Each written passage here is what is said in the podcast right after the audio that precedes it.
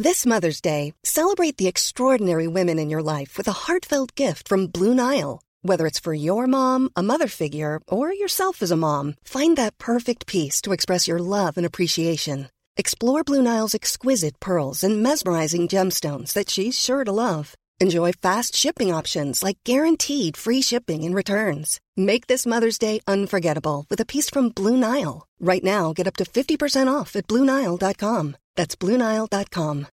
Millions of people have lost weight with personalized plans from Noom, like Evan, who can't stand salads and still lost 50 pounds. Salads, generally, for most people, are the easy button, right? For me, that wasn't an option. I never really was a salad guy. That's just not who I am. But Noom worked for me. Get your personalized plan today at Noom.com. Real Noom user compensated to provide their story. In four weeks, the typical Noom user can expect to lose one to two pounds per week. Individual results may vary. Hey, it's Paige DeSorbo from Giggly Squad. High quality fashion without the price tag. Say hello to Quince. I'm snagging high-end essentials like cozy cashmere sweaters, sleek leather jackets, fine jewelry, and so much more. With Quince being 50 to 80% less than similar brands. And they partner with factories that prioritize safe, ethical, and responsible manufacturing. I love that. Luxury quality within reach. Go to quince.com slash style to get free shipping and 365-day returns on your next order. quince.com slash style. I don't believe in science. Uh, I just like it's like I don't understand it, so it's easier not to believe in it.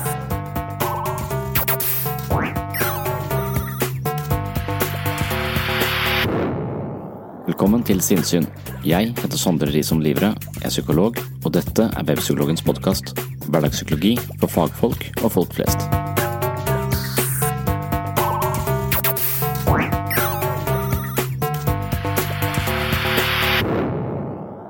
Krangling er sjeldent veldig konstruktivt, men det har en viss underholdningsverdi. Uenigheter skaper dynamikk, og dersom man klarer å holde den emosjonelle temperaturen på et rimelig nivå, kan man lære mye av meningsbrytning. Denne episoden skal handle om krangling og meningsutveksling i det offentlige ordskiftet. I november 2019 var jeg litt rappkjefta i Fedrelandsvennen. En av Norges rikeste menn, Einar Rasmussen, donerte 15 millioner kroner til en stiftelse som kalles for Biokosmos. Denne stiftelsen, med informatikkprofessor Steinar Thorvaldsen i spissen, skal spre budskapet om at verden ikke er blitt til ved evolusjon alene, men med et bestemt formål. Teorien om intelligent design går ut på at naturen er så finstemt at evolusjonen ikke kan ha skjedd tilfeldig, men er et resultat av ingeniørkunst. Det handler med andre ord om Gud. Er vi her på kloden av naturlige årsaker, eller er livet et resultat av Guds vilje og skaperkraft? Plutselig skal en av våre mest veldokumenterte teorier utfordres av den kristne skapelsesberetningen, og da begynner det å kile litt i min irritasjonsmuskel. Jeg synes det er hårreisende at 15 millioner kroner skal brukes på undervisning av kreasjonisme, og det er enda verre at det målet for denne typen propaganda er unge mennesker. Da setter jeg meg foran tastaturet og hamrer sammen en kronikk som går i strupen på både Einar Rasmussen og Biokosmos. Det skal vise seg å få konsekvenser. I etterkant av min kronikk blir jeg møtt med nærmere ti andre innlegg som virkelig sabler meg ned, stiller spørsmålstegn ved min integritet, forstand og egnethet som psykolog. Jeg har aldri møtt så mye irritert motstand i det offentlige ordskiftet noensinne, og det kommer som et resultat av mitt forsvar for evolusjon. For deg som lytter til dette utenfor Sørlandet, er dette sikkert vanskelig å forstå, men her på Sørlandet lever kampen mellom tro og tvil i beste velgående. I dagens episode skal jeg åpne med mitt forsvar for evolusjon, deretter skal vi se litt på denne kampen mellom de troende og de ikke-troende i form av en debatt mellom pastor Rune Tobiassen og meg selv ved Gimlekollen mediehøgskole. Vi besøker en klasse med journaliststudenter for å snakke om fordeler og ulemper ved å være uenige, og hvordan vi har utforsket våre ulike livssyn gjennom en debattpodkast som vi kaller for Pastoren og psykologen. Andre del av denne episoden blir derfor et utdrag fra podkasten jeg har sammen med pastor Rune Tobiassen, og deler av samtalen pensler inn på kontroversene rundt evolusjon versus kreasjonisme. Etter samtalen med journaliststudentene skal jeg vende tilbake til munnhuggeriet i Fedrelandsvennen og presentere deg for en av de krasseste svarene jeg fikk på mitt innspill om evolusjon. Jeg skrev også et svar på dette, men sendte det aldri inn til avisen. Jeg orket rett og slett ikke den veldig høye temperaturen i debatten, som sikkert var min feil i utgangspunktet, men det ble nesten ubehagelig å få så mye negativ oppmerksomhet. En ting er argumentene som dukket opp mot meg i avisen, det har jeg ikke problemer med å takle, men alle de sinte e-postene og meldingene i sosiale medier ble litt i overkant. Med denne innledningen ønsker jeg velkommen til en episode om evolusjon og krangling, og som annonsert både innleder og avslutter jeg med debatten om evolusjon. En eh, ny stiftelse vil eh, utfordre evolusjonsteorien til Charles Darwin i norske klasserom, og i stedet tilby det som kalles eh, intelligent design. Pengene til det hele kommer fra en av Norges rikeste menn, den personlige kristne rederen Einar Rasmussen fra Sørlandet. Det hele kunne vi lese i Vårt Land. Målet med det hele er å henvende seg til norske ungdommer mellom 15 og 25 år, og at dette skal bli et tema i skolen. Dag eh, Erlandsen, du er nå daglig leder i denne stiftelsen som heter Biokosmos. Eh, ja, for de som ikke er så inne i det, hva, hva ligger i begrepet intelligent design? Intelligent design er eh, noe, altså Vi hevder at eh, den naturlige verden nå, Unnskyld, nå må jeg lese opp. for jeg... Det er langt. Nei da. Den naturlige verden viser tydelige tegn på å være satt sammen på en så intelligent måte at når forskere og folk ser på dette, her, så bare gisper de, for det er så fantastisk komplisert. Og vi mener at eh, den darwinske eh, forklaringen holder ikke. Det er for komplisert. Mm. Det er survival of the fittest, eller uh, ja. ja, altså Det er jo en, en, en, funksjon i naturen som ikke vi fornekter, med naturlig uttalelse. Men det, det, alene kan ikke forklare den kompleksiteten vi finner i naturen. Mm. Ja, men Er det da en større beveger?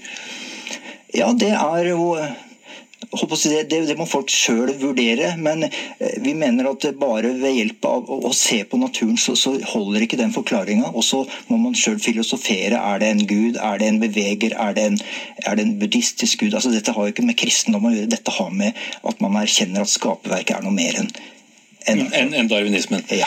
Eh, hva kan du vise til av eksempler for å forklare dette enda litt nærmere for publikum? Ta en flagell. Eh, flagellen er eh, en, en, hale på en, en bakterie, sædcellen f.eks. Den går rundt og rundt. Og den er som en propell som eh, får sædcellen til å spinne av gårde og finne egget. Den eh, motoren er så komplisert så du, du, kan ikke liksom ta vekk altså Som en, en, en eh, poengsmotor med kjempestor virkningsgrad. Mye mye bedre enn de motorene vi har laget. En påhengsmotor vet vi, den må ha en motor, den må ha aksling, må ha propell. Hvis propellen mangler, så er den helt eh, virkningsløs. Og eh, Det går ikke an å tro at dette må bli til litt og litt og litt og litt til. Alt må være på plass før den begynner å virke. Mm. Et eksempel. Hvor utbredt er denne vitenskapen? Den er nok mer utbredt enn det vi i Norge vet. Eh, jeg har nettopp vært i Discovery Institute i USA. Det sies at 1000 eh, forskere ta nå dette for det der, eh, har underskrevet et, opprop hvor de sier at de er skeptiske til darwinismen. Mm. Glenn Petter Sætre, professor i evolusjonsbiologi ved Universitetet i Oslo, skrevet en lærebok om evolusjonsbiologi. Er dette vitenskap? Eh, nei, det er ikke det. Altså, eh, Intelligent design det startet som en bevegelse fra konservative kristenfundamentalister i USA. Eh, de kalte det kreasjonisme i sin tid, men de tapte en del eh, debatter og osv. der borte, og rettssaker. Så de har forsøkt en ny strategi hvor de toner ned den kristne gud og snakker mye mer vagt om en uh, intelligent design. Altså, de, har, uh, de, bruker, de tar i bruk noen begreper som uh, er vage, og som ikke er definert. Da. og det de stort sett gjør, det, det er ikke å, å si, fremsette testbare hypoteser som de kan falsifisere. De angriper små ting i evolusjonsteorien, og så sier de at sånn som denne flagellen, at det, den er så fantastisk, så ergo må det være en intelligent designer, underforstått den kristne gud egentlig, når du ser på hvor bevegelsen kommer fra. Mm. Men har vi ferdig forstått artenes opprinnelse? Selvfølgelig ikke. Altså, all vitenskap er, er i en prosess, og det er mange uløste oppgaver heldigvis for eh, fremtidige forskere at det er eh, masse spennende å, å finne ut av. Og også innenfor evolusjonsbiologi er det mye vi ennå ikke forstår. Mm. Erlandsen? Eh, det er jo ikke riktig å si at dette er kreasjonisme eller et, dette er i kristne. Ta eh, Michael Denton en av de som, Han som startet hele bevegelsen ved å skrive en bok som heter eh, 'Evolution Darwinism a Theory in Crisis' i 1985. Han er agnostiker. Eh, David Berlinski, nylig ute med en bok, er også agnostiker. Eh, Fred Hoyle, som gikk bort i 2001, sa det at mine oppdagelser ryster ateismen i meg. Så dette er ikke oppdatert, det du sier nå. Jeg anbefaler deg å sette deg godt inn i hva som skjer ute i verden. for at det... Ok, men La oss gå litt til utgangspunktet til at vi diskuterer. Dere har altså fått 15 millioner. Eh, hva skal dere bruke det til, og hva, hva, hva på en måte din stiftelses, eller den stiftelsen du tilhører, hva, hva, hva er målet deres? Målet er å få direkte kontakt med ungdommer. Vi har eh, stått på i et år nå. og En ting er å få stiftelsen opp og gå med økonomi og alt mulig sånn, og styre. sitter en professor i styret for øvrig i Tromsø. Eh, og så lager vi bl.a. filmer som skal kommunisere direkte med, med ungdom.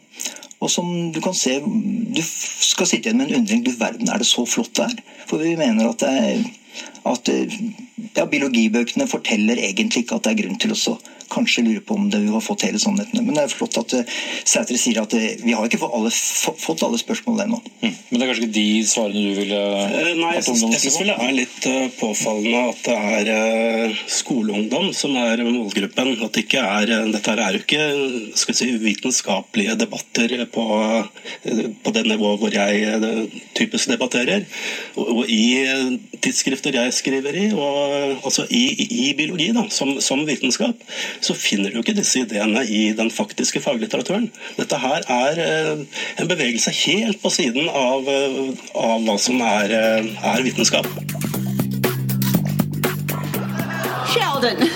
What are they doing here? Well, we came to apologize. Again. And bring you home. So why don't you pack up your stuff and we'll head back? No, this is my home now. Thanks to you, my career is over, and I will spend the rest of my life here in Texas trying to teach evolution to creationists. You watch your mouth, Shelley. Everyone's entitled to their opinion. Evolution isn't an opinion, it's fact. And that is your opinion. I forgive you. Let's go home.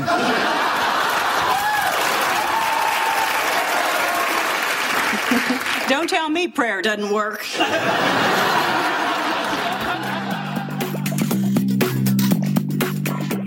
Det er altså sånn saken eh, ser ut, og den dukker opp i media i eh, oktober-november 2019. Jeg eh, responderte også på denne saken, og skrev altså en kronikk i Fedrelandsvennen med overskriften 15 vitenskapsfiendtlige millioner. Einar Rasmussen støtter et prosjekt som har til hensikt å avvise evolusjonslæren og indoktrinere unge mennesker med kreasjonisme. Han bruker 15 millioner kroner for å eksponere sårbare sinn for utdatert tankegods. Bør vi bekymre oss over skipsrederens initiativ? Absolutt. Darwin skrev artenes opprinnelse i 1859. Teorien har eksistert i 160 år, men fremdeles virker den forstyrrende på en del mennesker som ellers er ganske moderne og oppegående. Hvorfor? Problemet er at evolusjonen avkrefter noen av de mest grunnleggende religiøse dogmene. Det er ikke bare fordi evolusjonen representerer en innsigelse mot ideen om at mennesket er av en spesiell skapelse, eller fordi det er utfordrende å forholde seg til at våre forfedre var aper, eller på grunn av den åpenbare innvendingen mot at fortellingen om Noah og syndefloden er sann. Evolusjonen utfordrer religion på en mer kraftfull og direkte måte For å oppdage dette må vi inn i kjernen av det kristne trossystemet.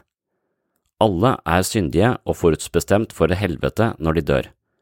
Jesus er Guds sønn, og han ofret seg selv for å gjøre bot for menneskets synder. Det åpnet for at mennesker kan frelses ved å tro på Jesus, og dermed få muligheten til et evig liv i himmelen. I kjernen av kristendom ligger altså ideen om arvesynd. Det betyr at det mennesket er født syndig, men hvorfor? Fordi Adam og Eva syndet i Edens hage. Uten arvesynden hadde vi ikke trengt Jesus til å redde oss. Skapelsesberetningen baserer seg på Adam og Eva som de første menneskene på jorda, og syndefallet lenker mennesket til en selsom arv. I evolusjonslæren er det ikke plass til verken Adam, Eva eller arvesynd. Uten arvesynd reduseres Jesus til en vanlig profet, litt på samme måte som muslimene ser ham. For kristne må skapelsesberetningen derfor være sann. Det er imidlertid en uholdbar posisjon for mange utdanna mennesker, som innser at evolusjonen rett og slett er en nøytral oppdagelse av hvordan verden fungerer. I religionens navn er det gjort mye skade for å holde liv i de opprinnelige fortellingene, og evolusjonslæren er mer enn en stein i skoa for de kristne. For å beholde en viss logikk i det religiøse tankegodset har mange krefter jobbet hardt for å dysse ned nye fremskritt på felt som geologi, paleontologi, fysikk, kjemi og biologi. Ofte har dette foregått utenfor Norges grenser, men nå spanderer Einar Rasmussen 15 millioner i samme æren. Jeg oppfatter det som et vitenskapsfiendtlig initiativ, og jeg er redd for at det kan gjøre mer skade enn man skulle tro. Selv om vi er forholdsvis vitenskapelig opplyst i vårt samfunn, har vitenskapen blitt så komplisert at ingen har dyptgripende innsikt i mer enn maks et par disipliner. Dermed må vi stole på autoritetene innenfor de ulike fagene, og vi trenger metodelære og trening i kritisk tenkning for å sortere jungelen av informasjon. Unge mennesker mangler trening, og da er de sårbare for svindlere og utdatert tankegods. Einar Rasmussen støtter en stiftelse som skal spre intelligent design og det er bekymringsfullt. Intelligent design-argumentet er enkelt å like frem.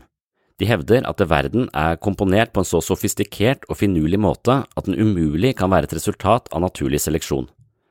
De hevder at det nødvendigvis må ligge en omnipotent skaper bak livet, fordi det er så praktfullt. Ergo finnes Gud. Når vi ser oss omkring, ser vi en vakker og komplisert verden. Gjennom vinduet ser jeg naboens robotgressklipper, og jeg vet at den er designet av opptil flere intelligente folk. Er det ikke sannsynlig at det selve livet har en eh, lignende designer? Intelligent design spiller på lag med vår intuisjon, men det betyr ikke at den er sann. Det er forførende og tilsynelatende logisk, men ikke hvis man går det etter i sømmene. Det er kreasjonisme forkledd i et eh, kvasivitenskapelig språk. I tillegg passer det inn i den religiøse mytologien som gir lovnader om et liv etter døden. Når unge mennesker skal skille mellom eh, pseudovitenskap og etterrettelig kunnskap, er det ikke alltid det beste argumentet som vinner, men snarere det argumentet som virker følelsesmessig tilfredsstillende. Vi lever i en tid som krever at vi fungerer som kritiske kaospiloter, og det er denne egenskapen vi er nødt til å oppøve hos de unge. Alternativet er at religiøse fanatikere eller andre humbugmakere får fotfeste med merkverdige ideer som kan påvirke unge mennesker på dramatisk vis. Det er et uoversiktlig intellektuelt klima som gir spillerom for sjarlataner og kvakksalvere. Når en større gruppe mennesker kan tro at jorda er flat i 2019, er det ikke helt usannsynlig at en utdatert skapelsesberetning kan få vind i seilene. Vitenskapen er bygd opp over generasjoner, men jeg tror det er naivt å ta det for gitt. Jeg hevder at vitenskapen må forsvares, og at dette forsvaret er viktigere enn noen gang. Når milliardærer vil pumpe vranglære for 15 millioner kroner inn i hodet på unge mennesker, bør det fungere som et alvorlig varsko. Når en lokal milliardær sponser en stiftelse som vil indoktrinere unge mennesker med utdatert tankegods, reagerer jeg såpass sterkt at jeg må ventilere gjennom tastaturet. Dette innspillet sender jeg til Fedrelandsvennen, og noen uker senere har jeg et tyvetalls hatmeldinger i innboksen og en kristen opinion som angriper meg i lokalavisa. Det er litt gøy og litt slitsomt. Før jeg fortsetter debatten om evolusjon i siste del av denne episoden, skal vi innom den andre podkasten jeg driver sammen med pastor Rune Tobiassen. Denne gangen er vi på Gimlekollen mediesenter. Vi er invitert til en samtale ved journalistutdanningen. Det er altså Gimlekollen mediehøgskole, ikke mediesenter, men mediehøgskole, og det er en fin gjeng med interesserte studenter. Dette er også en eh, litt spesiell journalistlinje, ettersom den har et særlig fokus på formidling av nyheter og debatter rundt livssyn og de mer eksistensielle sidene ved livet. Trolig er dette studenter som egner seg for eh, fast jobb i Vårt Land, og jeg må innrømme at Vårt Land anser jeg som en av Norges beste aviser. Selv om det er en kristen avis, tar den for seg saker av langt mer filosofisk og eksistensiell karakter enn de andre avisene, noe jeg setter mer pris på enn tabloide overskrifter. Nå skal du få være med til mediesenteret på Gimlekollen, og dette er altså da et utdrag fra den andre podkasten jeg driver, som heter Pastoren og psykologen. Etter dette så går jeg tilbake til eh, alle de eh, motforestillingene som dukket opp eh, etter mitt innlegg om evolusjon og delvis angrep på kreasjonisme og intelligent design. Man skulle kanskje tro at dette ikke er en tematikk som eh, skaper så mye heftig debatt, men eh, på dette området her på Sørlandet så blir det altså en del eh, ganske varme meningsutvekslinger som grenser opp mot krangling, vil jeg si. Einar Rasmussen, du er ta på dere hodetelefonene, dere som er i studio. Du er forretningsmann og tidligere skipsreder, og er altså den som har valgt å, å, gi disse pengene til eh, denne stiftelsen. Eh, hvorfor valgte du det? Eh, det er fordi at stiftelsen står for et verdensbilde som jeg tror på, og jeg mener det er viktig og riktig å formidle det. Mm. Eh, du er da personlig kristen. I hvor stor betydning eh, har det for deg eh, på denne teorien om et intelligent design, og at det er noe mer da enn den tradisjonelle evolusjonsteorien? Ja, altså Det at jeg er en kristen, det gjør jo bare at jeg blir mer motivert. Men når det gjelder å vurdere teorier og sånn, så er det jo selvfølgelig det faglige som kommer inn. og om å avgjøre tingene. Jeg kan nevne da at I eh, styret for Biokosmos så har vi fire med forskerkompetanse. Slik at uh, vi uh, får se det helt, helt, helt, vesentlig at dette skal bygge på forskning. Og jeg har ikke noe med religion å gjøre? Nei, ikke sånn sett. Nei. Mm, ikke sånn sett, hva betyr det? Jo, jo, men du kan jo si at hvis, hvis resultatene sammenfaller med ting som står i Bibelen, så, så er jo det hyggelig. ikke sant? Men altså, det er jo ikke den veien man går for å få resultater. Mm. Og så til de som nå sitter og mener du bruker da dine økonomiske muskler til å kjøpe deg en slags innflytelse i, i norske klasserom. Hva sier du til dem? Eh, ja, altså, det er jo et tilbud, dette. Så det er jo helt opp til den enkelte skoleledelse eller uh, til uh, skolemyndighetene om de ønsker å, å, å forholde seg og akseptere tilbudet. Mm. Takk skal du ha, Einar Rasmussen. Torstein Tvedt Solberg, utdanningspolitisk talsperson i Arbeiderpartiet og nestleder i utdanningskomiteen på Stortinget. Du er kritisk til um, at stiftelsen får disse pengene. Hvorfor det? Jeg mener jo at det blir helt feil at eh, rike folk sånn skal bruke pengene sine på å kjøpe seg tilgang til norske klasserom mm. for å rett og slett eh, forfekte alternative teorier og ting som egentlig ikke har noen ting med vitenskapen å gjøre, og ikke minst ting som er helt på tvers av det som står i læreplanen og fagplanen, og det vi vil at skolen skal, skal handle om. Så dette syns jeg blir eh, helt feil. og jeg mener at Det blir viktig at vi trekker opp noen eh, grenser og sier at eh, ja, egentlig her går grensa, og dette vil vi ikke ha inn i norske klasser. Denne gangen er vi på besøk ved Gimlekollen mediehøgskole. Hilde Kristin Dahlstrøm er avdelingsleder for journalistikk, medier og kommunikasjon, og hun tok kontakt med følgende spørsmål. Hei dere, jeg har ansvar for et emne som heter journalistikk og livssyn på journalistutdanningen. I den forbindelse lurte jeg på om dere kunne tenke dere å komme på besøk for å fortelle om podkasten som dere lager sammen. Vi takket ja til invitasjonen, og den 19. november 2019 klokka 14.15 sitter vi foran en engasjert klasse for å snakke om, ja, denne podkasten. På forhånd hadde vi fått en lang liste med spørsmål fra Hilde Kristin. Hun ville gjerne at vi skulle reflektere rundt følgende problemstillinger. Hvorfor startet dere podkasten Pastoren og psykologen? Hvilke tema tar dere opp? Hvorfor disse temaene? Utgangspunktet er at dere er uenige, har ulike meninger og svar på livets store spørsmål. Blir dere uvenner av å lage denne podkasten? Blir dere påvirket av hverandre? Endrer dere mening underveis? Hvordan vil dere beskrive deres eh, egen tro? Hvordan jobber dere med episodene? Hvilke tilbakemeldinger får dere? Hvordan har podkasten endret seg fra dere startet til nå? Tema og form. Hvor opptatt opplever dere at folk egentlig er av de store spørsmålene om livet? Er det viktig, spiller det noen rolle om folk reflekterer over dette? Mer eller mindre interesse for de store spørsmålene i dag enn før? Dere liker tydeligvis disse temaene. Hvordan kan man gjøre slike temaer mer interessante for folk flest? Har dere tips til fremtidige journalister som ønsker å lage gode, viktige, interessante og underholdende saker om temaet livssyn? Jeg er ikke sikker på om vi klarte å svare på alt dette, men det er spørsmål jeg har tenkt mye på, og mye mer enn det jeg klarte å uttrykke i dagens episode. Det viktigste spørsmålet er kanskje hvorfor man skal snakke med mennesker som tenker annerledes. Hvorfor skal man bruke tid på uenigheter? Jeg har jo skrevet en hel bok som er bygd opp omkring denne typen uenigheter, og i innledningen til boken, som altså heter eh, Psykologens journal, har jeg noen tanker, en hypotese og et håp om uenighetens verdi. Psykologens journal er også dypt personlig. Det er et uh, veldig personlig prosjekt, og før vi går til uh, dagens samtale, vil jeg lese et veldig kort utdrag som setter scenen for spørsmålet rundt verdien av meningsmotstand. For å være ærlig begynte jeg dette prosjektet som en tvilende ateist med undertrykte spirituelle tilbøyeligheter. Jeg vil legge til at jeg er psykolog, nysgjerrig, begeistra for filosofi, interessert i religion, grublende og langt over middels redd for å dø. Jeg er dessuten svært redd for at livet skal vise seg å være meningsløst. Denne kombinasjonen av mentale tilbøyeligheter har gitt meg perioder med eksistensiell angst. Innerst inne håper jeg at det finnes en gud og en høyere mening. Jeg håper at det finnes en universell kraft som vil overvinne det onde på sikt. Som psykolog tolker jeg mine håpefulle ønsker som en fornektelse av livets realiteter.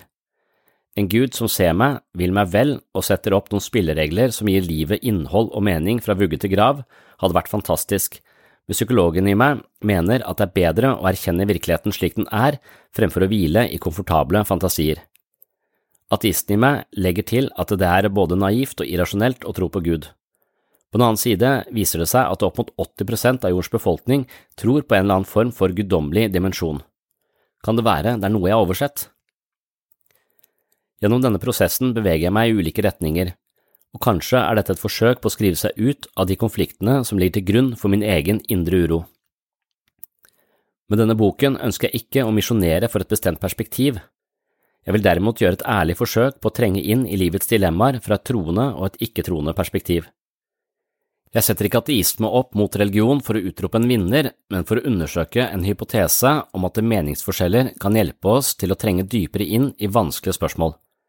Teisme versus ateisme gir denne boken sin dramaturgi, og hensikten er å utforske livets mest intrikate spørsmål. Det var altså et lite utdrag fra innledningen til Psykologens journal, og det er omtrent den samme typen eh, undersøkelse og dramatikk jeg eh, håper vi klarer å formidle i Pastoren og Psykologen. Så uenighet kan også gi en slags dramatisk nerve som gir denne podkasten en viss dynamikk, men denne typen eh, dynamikk kan også bli trettende og utmattende. Her er det en hårfin balanse. Ellers håper jeg jo også at eh, uenighet kan hjelpe oss å grave dypere ned i livets store spørsmål, og selv om ikke Rune eller jeg endrer synspunkt på en fundamental måte, har vi begge beveget oss i denne prosessen, og vi håper at vi har ansporet lytterne til å sette de store spørsmålene på agendaen. Uenighet kan ofte ende i krangel, og da er det sjeldent at man lærer noe vesentlig men krangling har absolutt en eh, viss underholdningsverdi. Pastoren og psykologen tilstreber vel å bidra med underholdning, men vi har også ambisjoner om å lære noe nytt. Det er i dette spenningsfeltet vi hele tiden beveger oss. Si... for oppførsel! Det er helt innafor, Vidar. Nei, dette er ikke innafor!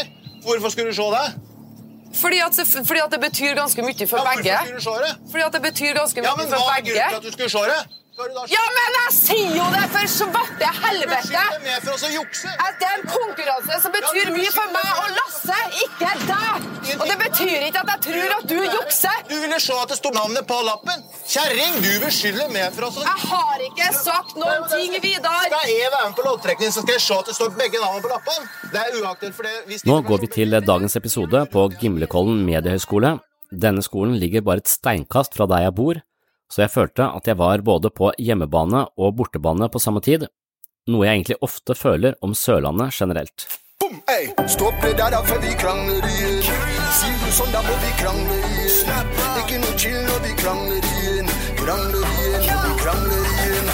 Krangling, jeg vet hvordan det ender opp. Skriking mens jeg har mine hender opp. Skjønner deg rett, så jeg vet ikke Fint å være her. Få møte framtidige journalister, og egentlig journalister. Så vi er jo alle nysgjerrige der vi er i livet. Så gøy at jeg kan få lov til å, å treffe dere. Mitt navn er Rune. Jeg er pastor i en frikirkemenighet. Så, eh, som jeg var fem år gammel. Som holder til på lokalskole i nærheten her. Begge vi to bor i området. Og så I den forbindelse så eh, har jeg pastor i fem år her, og så har vi hatt noe som heter alfakurs. Og Alfakurs det er sånne som du kan gå til være Hvis du er nysgjerrig på kristen tro, så kan du komme dit. Eller hvis du er enten du er kristen eller ikke kristen, eller hvilket livssyn du har, så kan du komme dit og stille spørsmål og, og være med og samtale med andre mennesker som også er nysgjerrig. Um, og I den forbindelse så var Sondre på et sånt et, uh, kurs hvor han hadde lyst til å utfordre seg sjøl litt. Det kan du si litt mer om, men det var sånn vi kom i forbindelse med hverandre. Så, uh, så han også var det masse gjør kristendom, jobber med trosforsvar. Uh, blir grilla som kristen rundt forbi og, og på universitetet og liksom forskjellig. Og så og så leder for fellesmøtene i Kristiansand. Det er 42 menighetsorganisasjoner som står sammen om ei uke med møter her i byen. Som, I januar, ikke? I januar, ja. Så det, det er det som jeg holder på med. Mm. Du er pastor, men uten kirke, egentlig. På en skole. Ja, uten kirkebygg. Ja. Men kirka er jo mennesker. Ok. Ja. Så ja. Ja. ja. Jeg var rasshøl-ateist eh, og irritert på alle som trodde på noe på noe guddommelig. Eh, og så tenkte jeg at det var en, en dårlig egenskap. Eh, så jeg jobber som psykolog. Jeg er opptatt av måter å tenke på og, og, og livsorienteringer. Og jeg syns vel at det å ha en, et ferdig religiøst operativsystem installert i huset sitt ikke nødvendigvis var den beste måten å orientere seg på. Eh, så, så, det var mitt utgangspunkt. Men så, så, visste jeg litt lite om det, eller visste for lite om det. Jeg skjønte at jeg var ganske dårlig når det gjaldt å diskutere med meningsmotstandere, spesielt om, eh, om religion. Og da var jeg dårligst, for da sparka kona mi meg mest i leggen. Så jeg fikk bare påbud. Jeg fikk ikke lov til å snakke med mennesker om det i sosiale sammenhenger. Eh, og, og som psykolog så har jeg vært veldig opptatt av selvutvikling. Jeg har vært opptatt av hvordan, hva man kan gjøre for å bli en bedre variant av seg selv. Uh, og det å drive krangle med folk er ikke den beste måten å gjøre det på. Så derfor så, så, ble, så, bestemte jeg meg for å prøve å gå inn i dette menighetslivet og så, og så se hvordan og så prøve å se saken fra eh, noen andre perspektiver, eller på en måte leve litt i det. Eh, det vil si det er gravende journalistikk, på en måte. At jeg, at jeg, men også jeg også skrevet en bok om det. Den prosessen hvor jeg har gått fra å være veldig sånn hardtslående ateistisk orientert til å få en mye større grad av respekt for mennesker som Eh, har en tro, og så mer innsikt eh, i tro. Men, men, eh, men, det er fortsatt mye ved det, det er, så, så, tenker jeg det er et slags regnskap her. Det er masse fordeler og masse gode ting som jeg har opplevd, og så er det også en del ting som jeg syns er veldig negativt, og så driver og sjonglerer regnskapet. Ja, det er religion og sånne livsorienteringer. Jeg syns også det er en, for, for meg en, et krysningspunkt hvor det går an å snakke om en del ganske grunnleggende filosofiske spørsmål også. Eh, så det er, en måte, det er en interessant måte å komme i dybden på ting på. Eh, eh, som, som jeg som psykolog opplever mangler litt. Altså jeg, jeg, tenker at det, det religiøse si, spillet, på en måte, eller spill ikke noen negativ forstand, men en religiøs praksis, de har masse Det er mye ettertanke, kontemplasjon, det er mange tusen år med erfaring her osv. Og, og, og det fins mystiske tradisjoner osv. Og, så og den, den åndeligheten der sånn den, hvis vi blir totalt sekulariserte, så mangler vi kanskje en arena eh, for å, å, drøfte disse tingene. Alfakurs er en sånn arena, men den er jo litt eh, på en måte eh, Den er jo litt Den legger jo føringer for eh, hvilke livssyn som er eh, eh, Som på en måte man, man står for der. Men man kunne være der uten å ha de livssynene også. Så, så jeg tenker at det, samfunnet trenger noen nye plattformer for å tenke litt dypere. Og det er litt usikker på om Human-Etisk Forbund klarer å ta den eh, Finne en praksis for det, da. Eh, derfor så det beste vi har, er eh, kanskje eh, ulike religiøse samfunn. Det er interessant, det, fordi, hvis jeg får lov til å bare si det. ehm, du sa litt det i forbindelse med at du Altså Humanitas Forbund de begynner å ta etter litt nå. Nå har de Ja. dåpsfest, det er eh, konfirmasjon, det er mange sånne sosiale settinger som de også har. eh, på en måte, For de ser at fellesskapet er viktig. Det er en ting du har sagt i forhold til kristne sammenhenger. At det, det fellesskapet man har ikke sant? Kommer du ny til et sted, så kan du gå inn i en helt ukjent menighet, men på en måte du har et fellesskap. Eh, Jeg kan reise til Egypt og treffe andre mennesker der som jeg deler tro med, selv om jeg ikke kjenner dem. Så det er litt sånn stilige ting som har sagt. Og så var det også en ting som jeg bet merke til i når du, eh, du inviterte meg med på når du lanserte den boka. Så inviterte jeg meg på, på eh, pub i Kristiansand her, eh, på Håndverkeren. Og da var det liksom Når det temaet var på Håndverkeren, og du sa det Jeg unner folk å høre på en pastor med øl i handa. Det synes var kult sagt. For at det handler litt om at det, det blir en arena hvor, hvor folk har så mange fordommer når de kommer inn i kirka, som faktisk gjør at de ikke setter sine bein i kirka. Eh, og da syns jeg det er fint å kunne prate om hva jeg mener med livet, de store spørsmålene. Gjerne med øla i handa, men på en arena som ikke er på min hjemmebane, men på andres hjemmebane. Da var det jo tjåka fullt. Da var det jo en sånn 100 stykker som måtte gå fra, fra arrangementet. Eh, og det var gøy. Er, er podkasten deres en, et forsøk på å lage en ny sånn arena? Til å snakke om disse tingene? Ja. Nei. Jo, det er kanskje det. Det. Men det lykkes ikke eh, helt sånn, eh, sånn eh, hvor langt det når. Det når ikke pastoren og psykologen når ikke sånn. Jeg har to podkaster. Den ene podkasten som er kun psykologisk orientert, da, men som jeg også har med en del av de debattene jeg eventuelt er i i denne, denne typen settinger, når mye lenger. Så, og det skjønner jeg ikke helt. Eh, for at det er eh, Ok, psykologi syns folk er interessant, men mens akkurat disse filosofiske spørsmålene det er ikke sånn at det må, må gjøres enda litt mer folkelig. Altså, du, du må finne en arena som er åpen for alle som ikke man føler er en eller annen betingelse. Selv, eh, så, så ja. Eller det at påskatt, eller episoden varer i halvannen timer hver gang. Det kan også være en ting som gjorde at i hvert fall du hadde ikke lyst til å begynne på det engang, for de varte halvannen timer. Det kan være grunn, det også.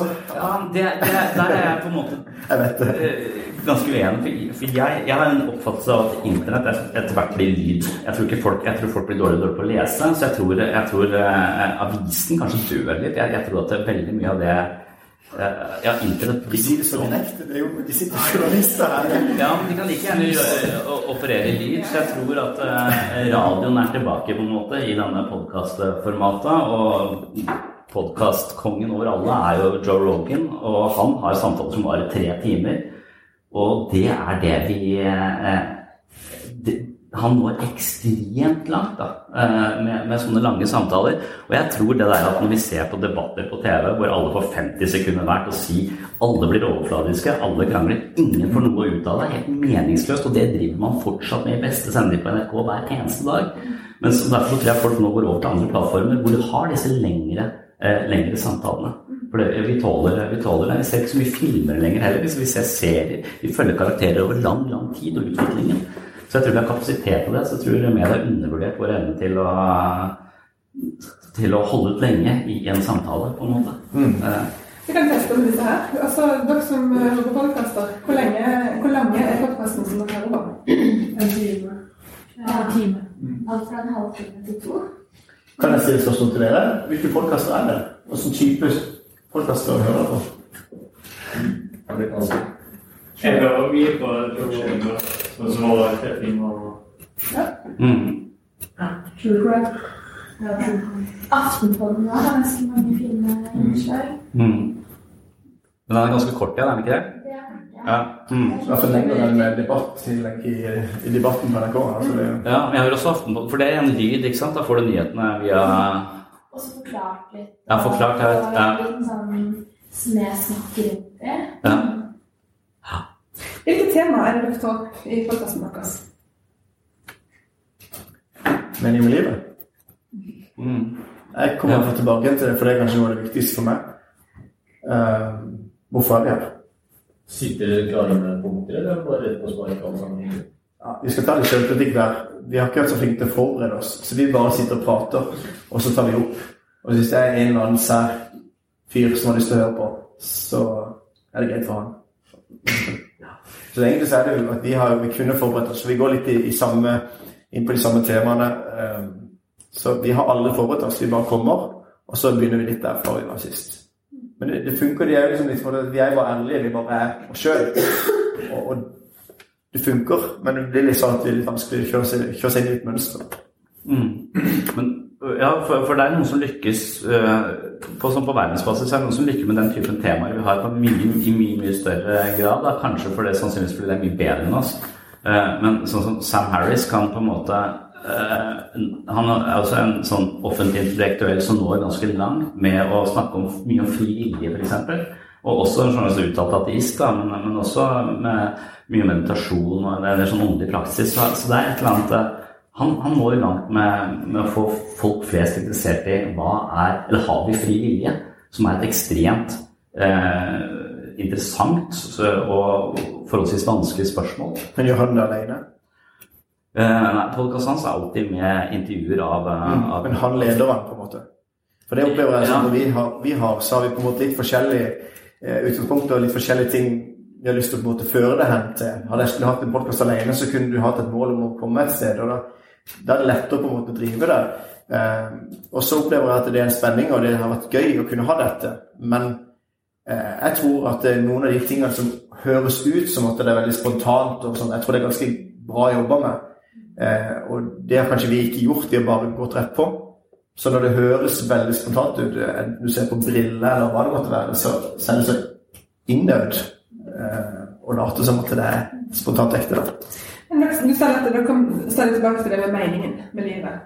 Mm. Så nå er, dere har to ulike livssyn. Hva, hva vil du, du var litt inne på, Du starta som en sånn ufordragelig artist, sa du. Men hva vil du beskrive livssynet ditt som i dag? Si, si det, det ligger sånn sekulær humanist på en måte. Jeg vet ikke om jeg har sånn um, jeg, jeg, kunne, liksom, jeg, tror jeg har en slags religiøs personlighet. Så jeg tror jeg har en slags tilbøyelighet til mystikk. Ja. Eh, og så syns jeg det er interessant, i hvert fall. Men jeg hater å få svar. Eh, så, så, jeg reagerer veldig sterkt, eh, enten i aviser eller kronikker sånn, hvis, hvis uh, de åndelige livsspillene skal inn på den naturvitenskapelige arenaen. For da syns jeg de ødelegger seg sjøl. Så når uh, Einar Rasmussen gir 15 millioner til uh, kreasjonisme, så klikker det for meg. Og det syns jeg, det synes jeg er tøysete. Og, og, og, og, da syns jeg at det, disse, det er der jeg, skulle ønske at det, det fantes At åndelighet fikk lov til å være åndelighet, at de ikke blanda seg inn i empiriske spørsmål. Som hvor gammel jorda er, eller om Ja, så, så, så jeg, jeg tenker at det at det finnes så utrolig mange muligheter i de åndelige tradisjonene som, kan, som, folk trenger. For jeg tror vi er litt åndelig fattige, på en måte. Jeg, jeg, tror vi spiller for mange. Vi er for opptatt av å klikke og tjene penger og få status. eh, Og, og de, de, de, mer åndelige, eller skal vi si psykologiske, dype metaspillene er mangelvare. Og jeg tror at religion har mye å tilby der, men da må de vekk fra, fra dogmene. Så at jeg sitter Jeg tror bare på Sørlandet at jeg eh, for noen uker siden kan sitte nede på Misjonshuset i sentrum her og diskutere demonutdrivelse med Iben Tranholm fra, fra, eh, fra Danmark. Det var jeg på protestfestivalen. Så setter han Svein Inge meg opp på et eller annet panel sammen med en sånn som kritiserer meg å, som psykolog for ikke på en måte ta inn over meg at mange av de pasientene jeg har, sannsynligvis er besatt av demoner, og ikke psykotiske, sånn som vi tror, for vi psykologiserer alt. Så, så, så dette blir jo Men det tror jeg er bare på Sørlandet, og det og kreasjonisme og det også Det skaper veldig debatt her nede, men jeg vet hvor interessant det er utenfor denne Nei, jeg jeg har ikke snakket med deg om dette, men, men jeg syns du, du, var en veldig sånn drittsekkartist tilbake når du skrev den artikkelen. For du, du, kjenner jo meg, og du vet at ikke jeg står for det samme. Ikke sant? Så det er liksom denne biten med at det, man, man, blir så Fordi man skal vinne noen billige poeng da, for på en måte å få folk med seg, så kan man kjøre litt på, og så, så tar man at alle kristne mener det. Jeg tror, er du på kreasjonisme da? Eller? Ja, nå var jeg litt på tilbake til biokosmos. Ikke ja. på denne du må si kort hva det er for noe. Jeg tror ikke, vet ikke om alle har fått det med seg. Når folk har ut reist, hva er disse 15 millionene og Ja, nei, du kan si det. Mikroskos er en stiftelse som skal jobbe for å, å, å undervise i alternativ til darwinisme. Eh, og, Spre kunnskap. Spre, ja, spre kunnskap og på en måte så tvil om, eh, om kanskje den mest best belagte vitenskapelige teorien som fins, som har overlevd 150 år og har belegg fra utrolig mange disipliner. Og det, så, så misforstår man teoribegrepet. Man tror at ja, det er bare en teori, at evolusjon er bare en teori. Eh, som om teorier er en hypotese som ikke kan eh, som man kan velge å tro på eller ikke tro på. Men det er det ikke. altså Det er jo ikke en vitenskapelig teori. er jo ikke eh, på den måten. Men Og det er å så så tvil om de tingene der sånn, og, og bruke 15 millioner på å og, og jeg har selv vært på kurs i intelligent design, ikke sant? Så, så jeg vet å overbevisende disse folka som kan en sånn usynlighetsmatematikk, eh, som blir sånn uendelig, hvor lett de er for å overbevise unge mennesker om, eh, om, om ting som høres tilsynelatende vitenskapelig ut, men som er kvasivitenskap. Ok, og så, sier, og så reagerer du på dette, og så skriver du kronikk. Mm. Og så reagerer du på hans kronikk. Ja. Ikke så sterkt som Svein Inge, for han er dritforbanna. Ja. Uh, Og, eh, Svein Inge Olsen, som er driver sånn- protestfestival, han slakta meg fullstendig. Ja. Og jeg er mer så sørlandsk. Jeg syns ikke det var greit. Jeg synes ikke det var greit. Svein Inge jeg kan ikke være fra Sørlandet. Nei, nei. Men du, du, du, Mom deserves the best, and there's no better place to shop for Mother's Day than Whole Foods Market. They're your destination for unbeatable savings, from premium gifts to show-stopping flowers and irresistible desserts. Start by saving 33% with Prime on all body care and candles. Then get a 15-stem bunch of tulips for just $9.99 each with Prime. Round out Mom's menu with festive rosé, irresistible berry chantilly cake, and more special treats. Come celebrate Mother's Day at Whole Foods Market. There's never been a faster or easier way to start your weight loss journey than with PlushCare. PlushCare accepts most insurance plans and gives you online access to board-certified physicians who can prescribe FDA-approved weight loss medications like Wigovi and Zepbound for those who qualify.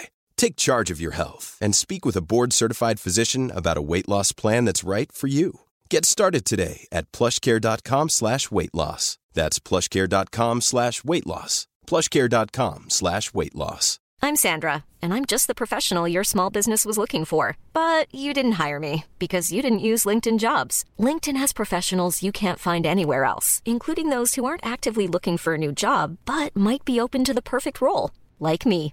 In a given month, over 70% of LinkedIn users don't visit other leading job sites. So if you're not looking on LinkedIn, you'll miss out on great candidates like Sandra. Start hiring professionals like a professional. Post your free job on linkedin.com/people slash people today.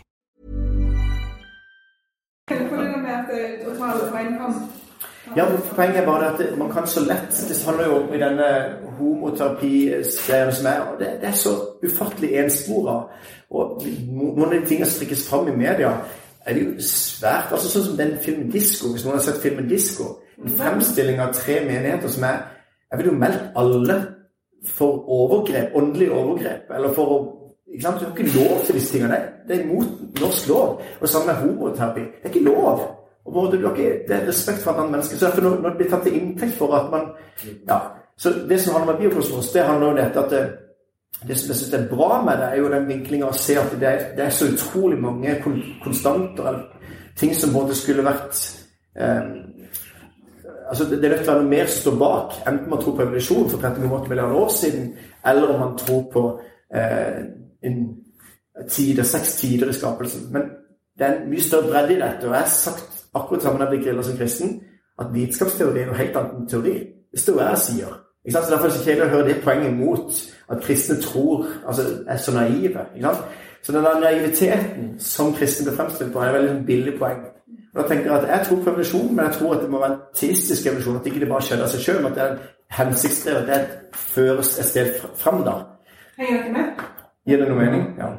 Jeg tror det, Som journalister så tror jeg det er kjempeviktig som ting. For det er veldig lett at man tar på en måte alle til inntekt for et eller annet. ja. Det blir sånn stråmann som er lett å blåse over ende. Jeg tror Hvis man skal lage kritisk journalistikk, så er det kjempeviktig at man har kunnskap om at det, det er mange meninger i Mm. alle typer livssyn og i alle typer miljø. Mm. Um, jeg tror det er kjempeviktig for, for å få en mer nyansert journalistikk. Enten det er for eller mot, så er jeg veldig Men en kronikk er på 5000 tegn med mellomrom. Uh, og, uh, og jeg går jo til angrep på Einar Rasmussen som uh, gir disse Men har du pengene forstått til en bestemt stiftelse. For det er ikke bare akkurat det de, de, de vil egentlig også bare åpne opp for at det er så ufattelig spesielt dette skapverket at det er nødt til å være en hensikt bak det. Det trenger ikke være at det er nødt til å være uten evolusjon. Ikke sant? Men jeg, jeg vet ikke, jeg følte at du har misforstått litt, men, men samtidig så, er, så blir det sånn ofte media blir. Det blir spissa for å få fram et poeng. Og, så blir det, og det gjør du bra. Få fram et poeng, og jeg er enig med mye av det. Men jeg syns det er litt sånn tendens til å bli litt sånn eh, billig skår- skårte poeng da, mot Kristian. Nok om biokosmos. Men, ja, ja, men eh, sånn journalistisk sett på det, så, så syns jeg eh, det der bare Når det blir sånn meningsløst som det, det For det er jo fellen full av hele tiden, sånne folk som krangler om, om Gud. Det er også veldig spesielt, tror jeg, her- nede. Men, Særlig men. Ja, i, i debattspalten veldig. Men, og, og det syns jeg på øh, Jeg veit ikke om jeg gidder lese det, men, men ser, det, det jeg fikk veldig lyst til nå?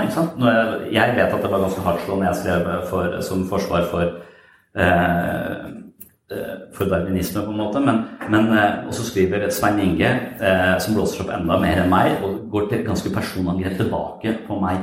Det, det er på en måte Da har vi en, en, en ganske betent ting. Men hvis vi to nå møtes og snakkes i to timer sammen, hvor vi kanskje begynner å krangle, så klarer å finne ut av det, det vil jeg mene selv vil være veldig interessant. Og det er sånn jeg assosierer type Sam Harris gjør det. Altså han, han går, han smeller uklare med folk i media, type ting, og så inviterer han de inn, så sitter de to timer og prater sammen. Av og til klarer de det, av og til klarer de det ikke. Eh, og den, eh, den dynamikken syns jeg er, eh, er spennende. er ikke det sånn Thomas og Einar blir venner? Er ikke det sånn en eh, på- Jo. Som på en måte handler om at det er to veldig forskjellige personer. Og det er egentlig litt sånn òg. Altså, vi, vi sitter sammen med forskjellige meninger, men vi, vi gjør det i respekt.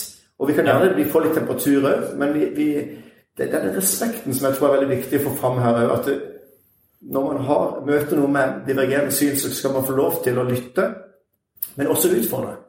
I dag så blir det sånn, det er kanskje min sånn største utfordring, det er at alt blir like sant. Det er ikke noe, du kan ikke si at du har funnet noe som er sant, for da indirekte sier du at alle tar feil.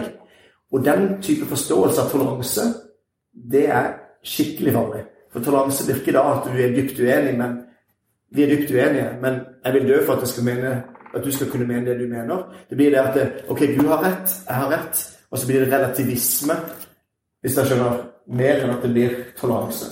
Jeg kan ikke tolerere noen som er enig med, for vi er jo enige. Jeg må tolerere de som er dypt uenig med. Og derfor så må vi få fram det som en sånn viktig bit. Og sånn, de er sånn, Kjør på, journalister. Dere er nødt til å få med dere få med dere akkurat det punktet. Mening sa dere var et tema som du stadig kom tilbake til. Hva er meningen med livet, Sondre? Det er vel uh, ja, eh, individuelt eh, for, eh, for de fleste. Eh, jeg tror jo ikke at livet har noen mening i seg selv. Jeg tror at mening er noe vi er nødt til å skape i det vi gjør. Så evnen til å gi ting mening er en livskunst på en måte som de fleste må trene på. Og jeg tror nok at det er det som interesserer meg med andre mennesker, er hvis de har funnet en eller annen type mening de er intenst opptatt av. Det kan f.eks. være vinsmaking. Folk som er sykt opptatt av vinsmaking. Hvor jeg bare drikker vin uten å få denne enorme eh, dybden av smaker i det. Altså, bare det å lytte til mennesker som har funnet et eller annet, har gått en eller annen vei, det, det interesserer meg. For da tenker jeg, er det mulig å gå den veien og finne så mye dybde og mening i livet der, så kan jeg kanskje prøve meg på den veien eller den veien. Så, så jeg tror eh, vi er dømt til å skape mening i eget liv. Og så tror jeg vi trenger en kultur og institusjoner som bygger opp under det vi da trenger. Og så er jeg litt bekymra for at vi eh, lever i en verden full av eh, overfladisk livsspill som handler om å tjene mest, få mest mulig lesere, bla, bla, bla, bla. Og, og som egentlig skaper en sånn hektisk overflade som, som ikke har noen dybde. Og da tror jeg vi eh, opplever at livet er tomt og meningsløst så tror jeg religion er et mer eh, dyptgripende og spennende spill som folk bør, få ta del i. Men når det presenteres som kreasjonisme eller demonutdrivelse, så skyr folk unna, og da de, henfaller de til et eller annet sånn der alternativmarked av krystaller og alt mulig slags humbug, eh, hvor alle får sin egen eh, religion uten å egentlig være forankra i en eller annen tradisjon som de kan bygge, bygge videre på. Så, så jeg er en, ser meg selv som en slags religionsforsvarer, eh, eh, men, men jeg syns at det finnes mye umoden eh, religion, og det tror jeg er Så, så, så demonutdrivelse er for meg liksom Det er å ødelegge noe som kan være så verdifullt. For her mister dere alle eh, moderne mennesker eh, når du holder på, på, med det. Men ta dette Og, og, og, det er ikke lage stråmann. for det er sånn, Hvilke menigheter har du vært i? sier han der som sitter ved siden av meg. Jeg, jeg har ikke vært i noen menigheter hvor dette har vært bedrevet i det hele tatt. Men hun sitter der. Det er dette mennesket som får i beste sendetid så, så, så, jeg tenker at jeg skulle ønske at, at de, de, religiøse spillene fikk, fikk litt mer vind i seilene på en sånn litt mer spenstig måte. da. Og, det, og, da må du ikke si at det er kult å være kristen og gå i 17. mai-tog og rope det, for det er ikke kult, syns jeg. Men det også vise at vi har tusen år med dybde, mystikk, tradisjon på en måte Ikke så mange svar, men masse åpne spørsmål som kan lodde dybden i livet. Det tror jeg vi selger i dagens uh, samfunn. Jeg tror vi trenger det. For hvis ikke så kommer alle til meg. Fordi de føler at livet er meningsløst, og de er deprimerte. Er det for mye å gjøre? Ja. Det er altfor mye uh, å gjøre i psykisk helsevern. Her er det, det er det problemet, det også. Hæ? Her er jo for mye å gjøre, så det er et problem, det også. Men det er jo sånn at han er jo egentlig en pastor. For hvis han på en måte tar vekk Gud, men på en måte spiller med de samme tingene, så, så fungerer egentlig hans pastor. For han har egentlig lyst til å utfordre meg til å ta vekk litt av den der bibelske Gud. Eh, og så på en måte bare la det være disse overordnede tingene, finne mening i livet osv. Men da sier jeg, da blir jeg en psykolog som det.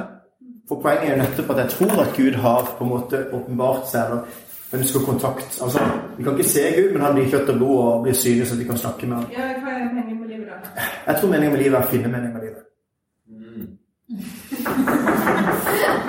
Ja, takk for den. Jeg tror, men jeg tror det begynner der. Sånn at ingen får gitt det på forhånd. Og vi, vi, står her, vi tror alle sammen at vi går, vi går i samme fella og tror det handler om penger, sex og makt.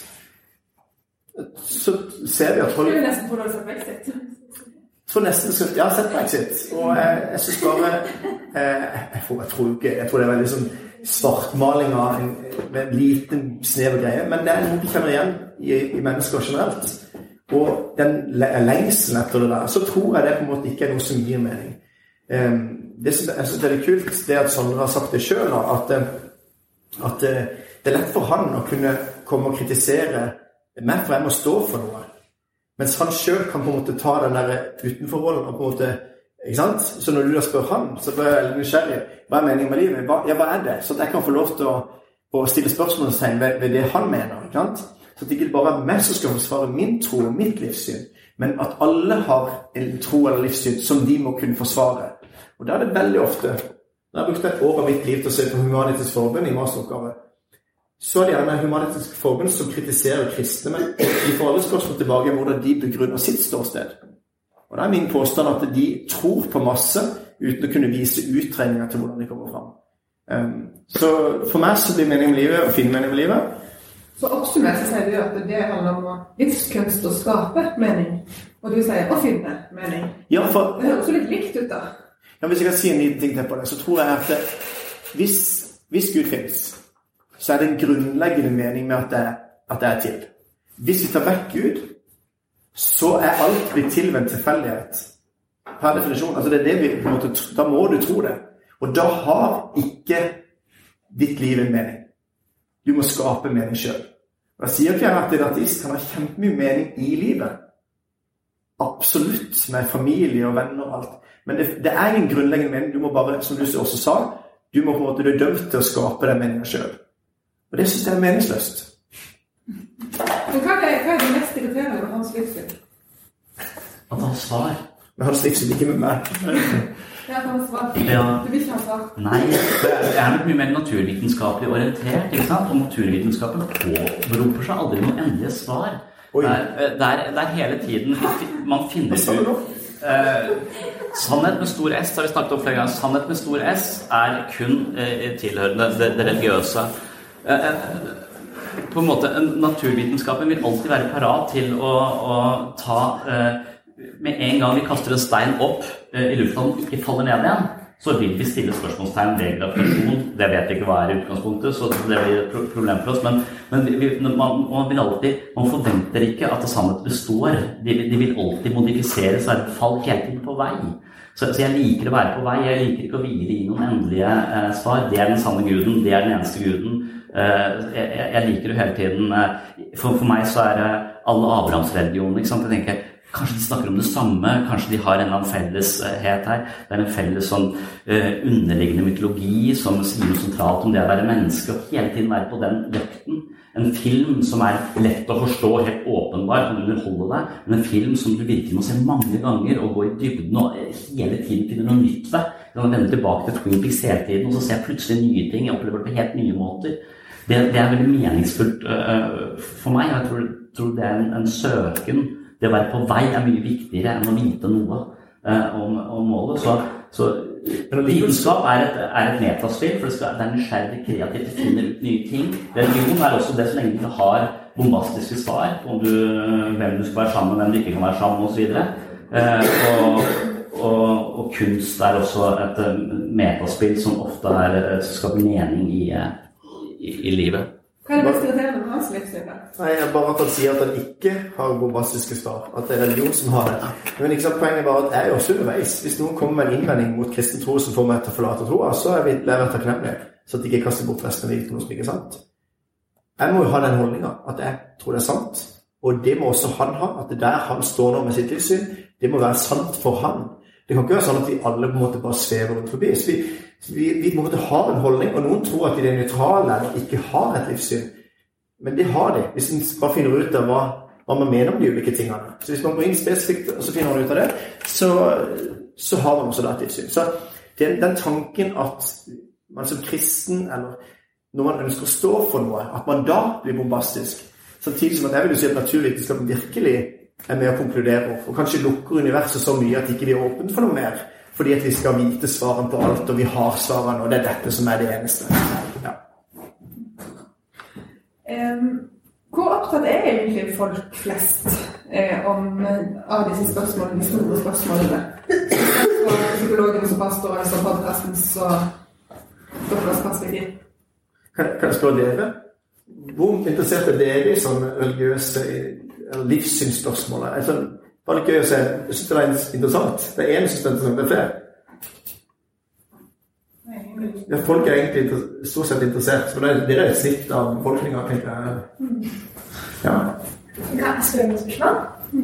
Du sa jo at eh, Gud Uten Gud så vet du ikke helt meningen med livet hva, hvem er Gud, og hvor finner du denne personen? Er det en mann, er det en kvinne? Har du en definisjon på Gud?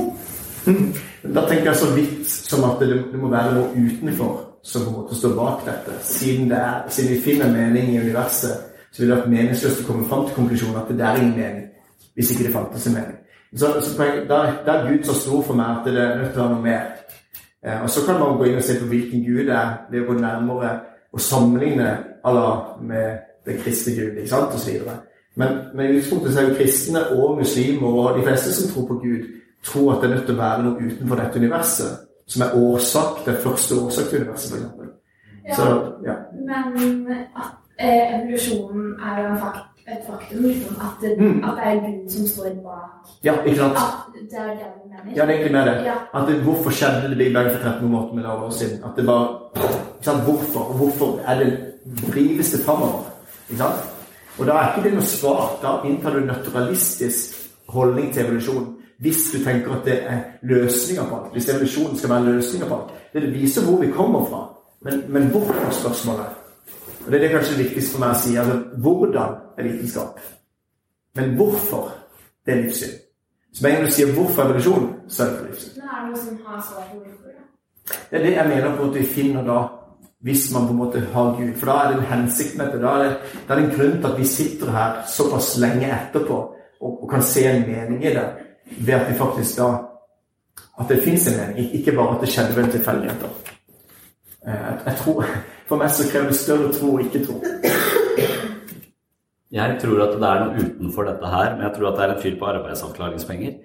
Eh, som på en måte er en annen dimensjon, som da har simulert oss, så vi egentlig er i en simulering.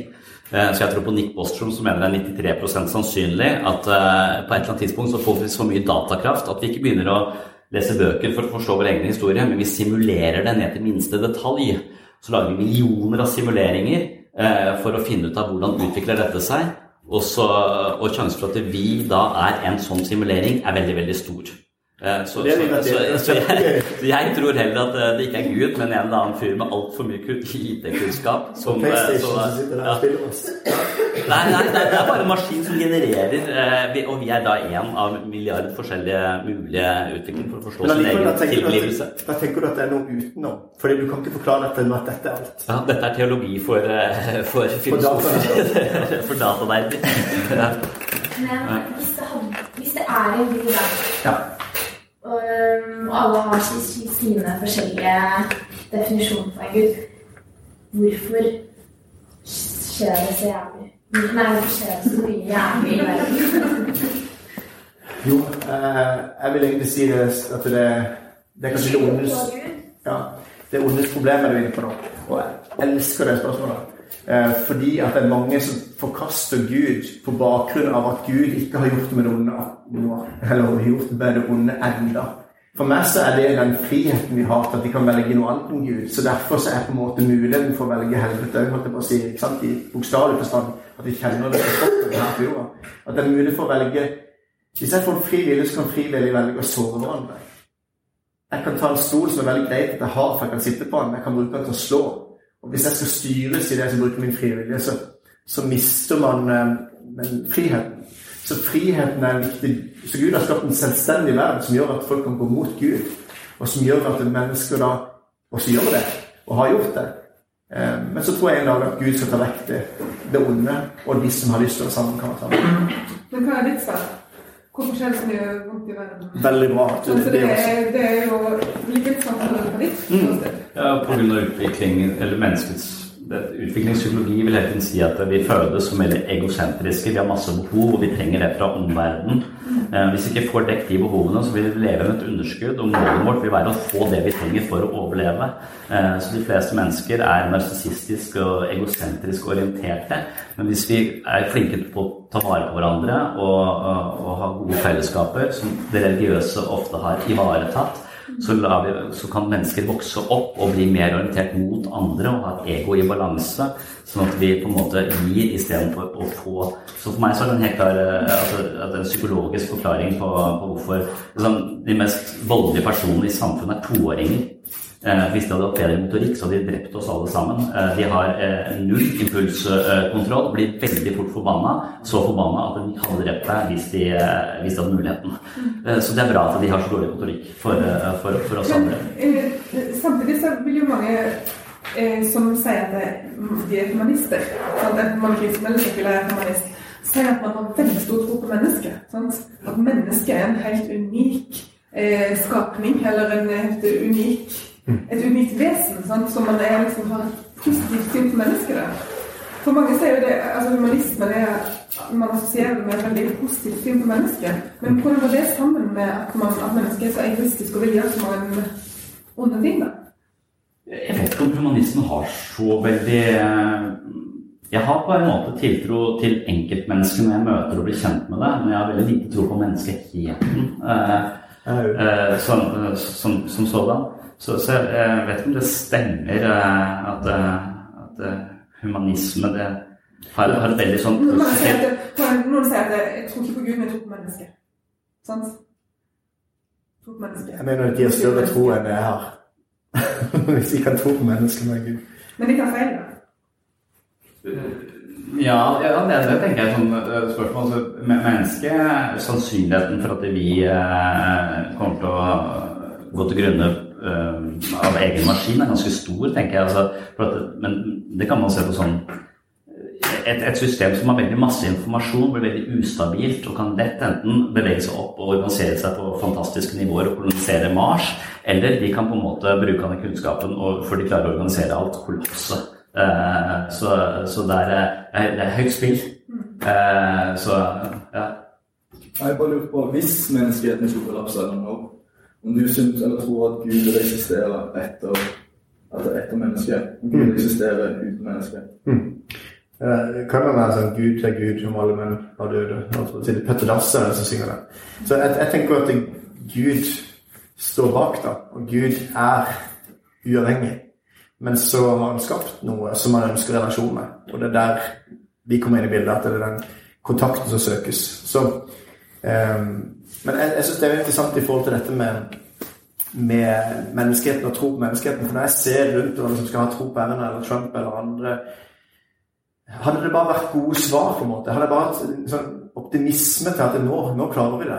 Men på en måte så ser jeg at vi jeg er veldig enig med deg at vi er veldig narsissistiske. Vi er veldig innovervendte. Og det samme sier Martin Luther. Liksom, altså, litt, det handler litt om at mennesket må, må prøve å løfte blikket litt og si at det ikke handler om meg og mitt og jeg Eisen, men det handler om noe mye større.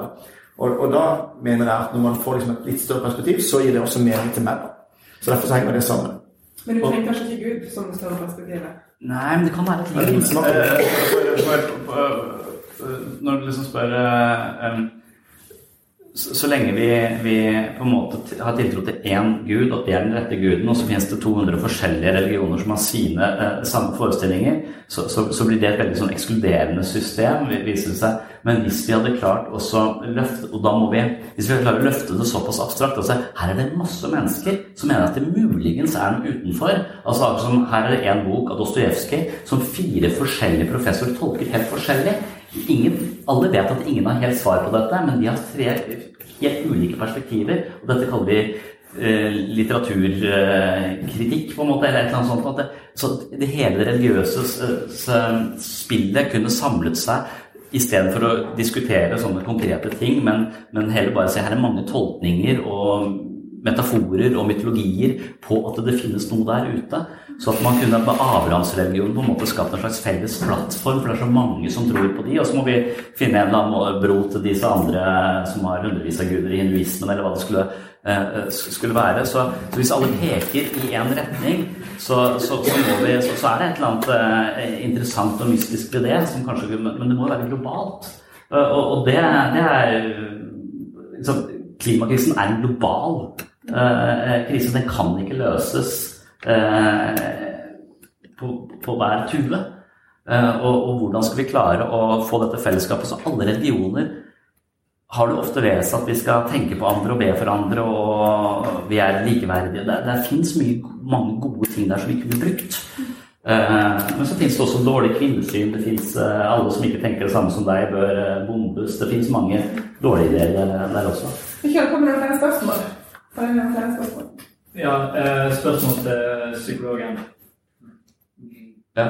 Sondre. Sondre. Mm. Eh, du snakket om Sam Harris, og det han eh, snakker om sånn at vitenskap skal, kan kunne Eller liksom Du kan lage moralsk grunnlag på grunn av vitenskap, eller ved vitenskapelige metoder. Ja. Og jeg lurte egentlig bare på Er det noe du eller, er det noe du liksom støtter det på i så fall hvordan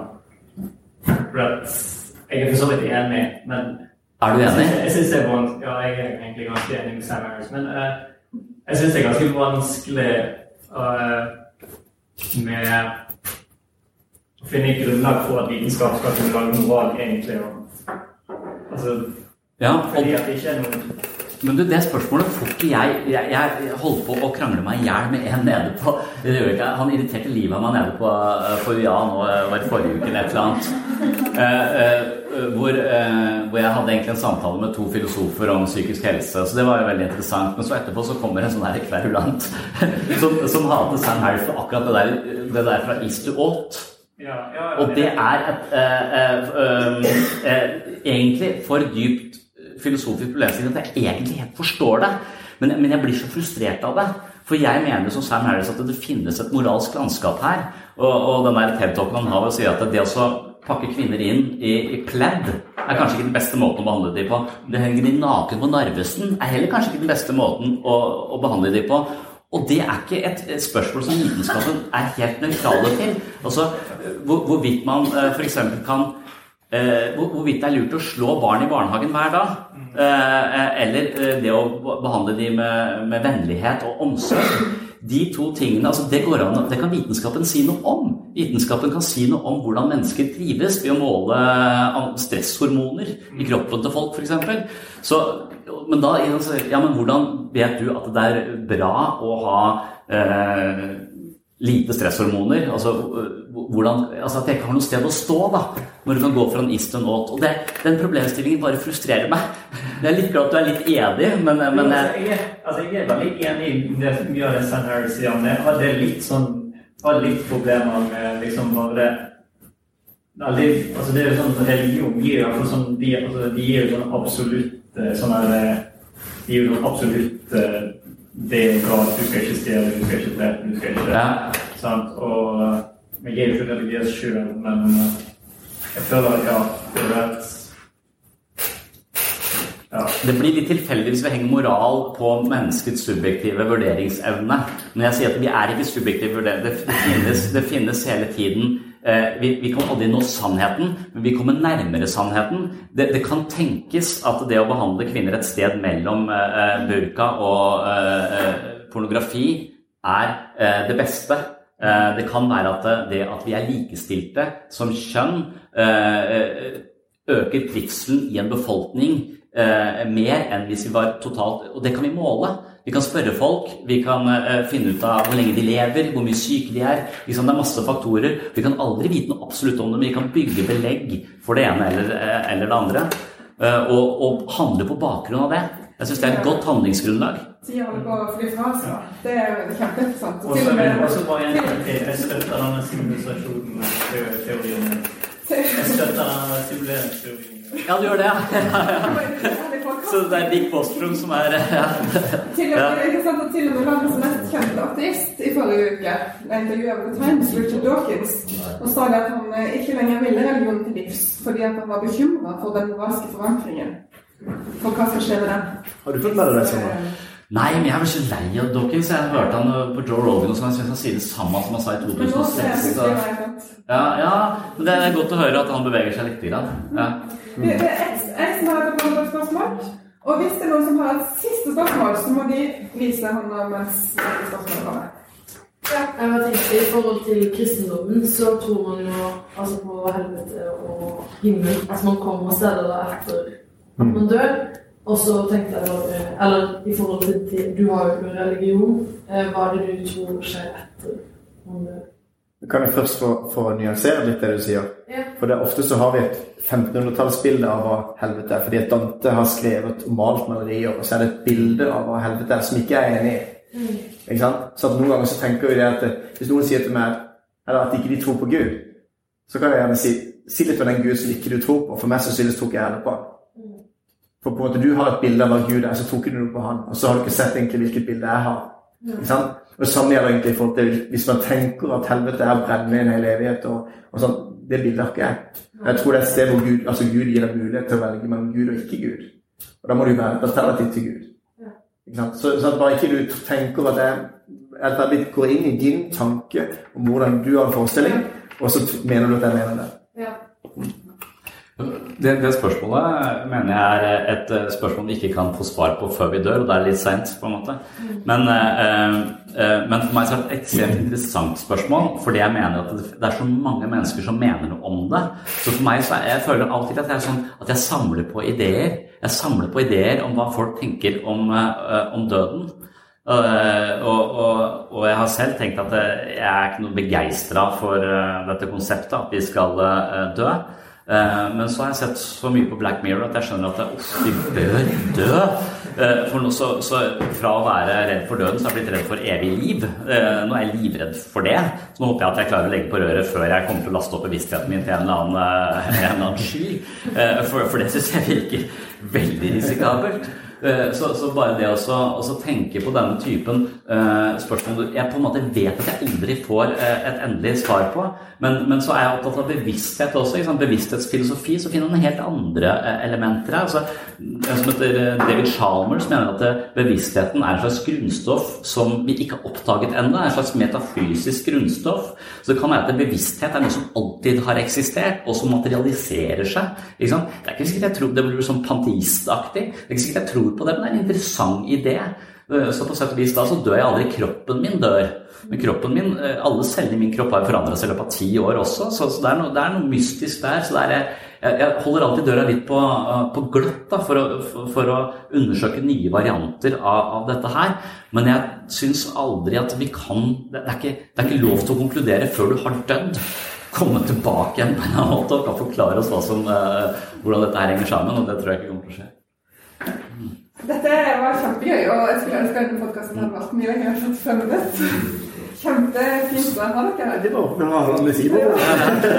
Veldig, veldig bra. Så håper jeg at dere har eh, syntes det var gøy òg. Og at eh, dere har fått noen flere lyttere til podkasten. Og kanskje dere har fått noen ideer til eh, saker, for dere skal lage journalistikk om det kan være mye forskjellig. Og så tenkte jeg at dere skulle få en liten takk for at dere kom. Og da tenkte jeg at det måtte være noe som var litt sånn kristelig og litt sånn hedensk hjemmebrent i uh... Tusen takk for besøket.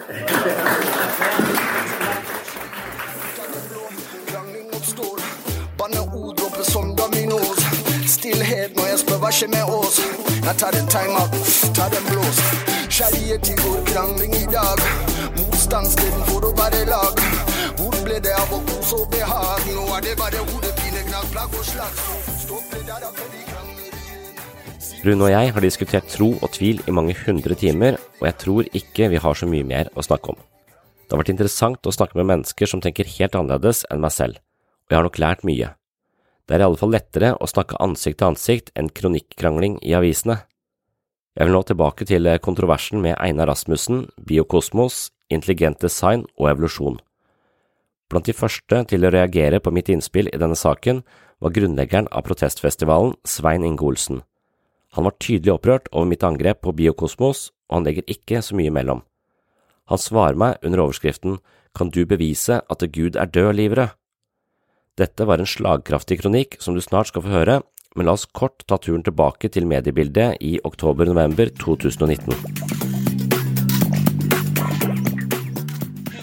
lærer jo bort uh, om en rekke religioner i skolen som uh, jeg er helt sikker på at professoren som satt ved din side for litt siden også vil være helt enig ikke har skapt uh, noe som helst, noen, noen, gud. Så hvorfor er dette noe rarere? Nei, jeg kan tenke meg, jeg kan sånn sett strekke meg til at dette kunne vært et interessant tema i KRLE-undervisningen, men det denne stiftelsen ønsker, er å bli en del av naturfagsundervisningen og sånn sett forfekte et helt, et helt annet syn på evolusjonsteorien. og Det mener jeg blir, altså det blir jo spesielt feil nå med, alle disse, med klimaendringene, og det blir enda viktigere at skolen er et liksom, et godt fundament for å forstå hvordan jorda har blitt skapt, de endringene som skjer på jorda, for å kunne takle klimaendringene. Så Det er derfor kanskje jeg mener det er spesielt viktig at en sier nei til denne type ting. For det er jo ikke vitenskap. Det er jo som det blir sagt her i denne diskusjonen, dette er jo egentlig ganske nært tøv tøv? Erlandsen? Nei, det er ikke tøv. Og eh, Nå er ikke jeg professor, så det føler meg litt på tynn is, men dette er etablert vitenskap. Og det at dette er bare avvises som tøv, det, da må du være snill og sette deg bedre inn i det, for det er det ikke, altså. Jeg har lyst til å si det at eh, man, nå driver man med en ny fagplan, ikke sant? Og Hvis det er så enkelt å tilbakevise dette som tøv, ja, så la, så la nå folk tilbakevise det som tøv, og ikke fortelle, ikke angrip livssynet til de som sier det. da. Heller gå på sak. Det, jeg syns det er litt usaklig. Ikke. Men ok, den nye fagplanen sier opplæringen skal gi elevene en forståelse av kritisk og vitenskapelig tenking.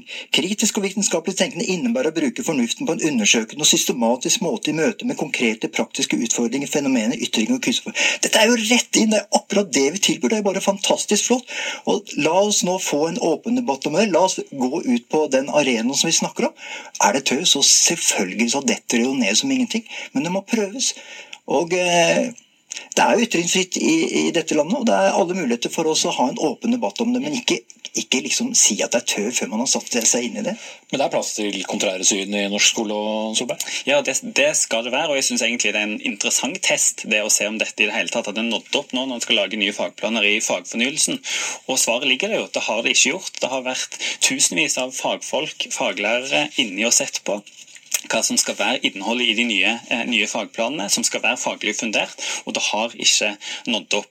Og Litt av grunnen til at jeg mener også dette er bekymringsverdig, er at jeg er redd for at vi er i ferd med å trekke opp en sånn falsk balanse at når en skal diskutere f.eks. evolusjonen eller klimaendringene, så sier en liksom at, at, da må du ha en klimaforsker og så må du ha en klimaskeptiker.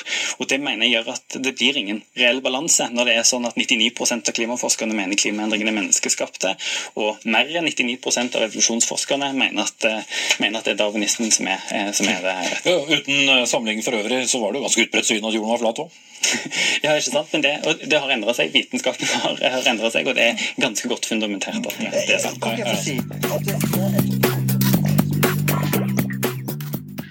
Kan du bevise at Gud er død, Livrød?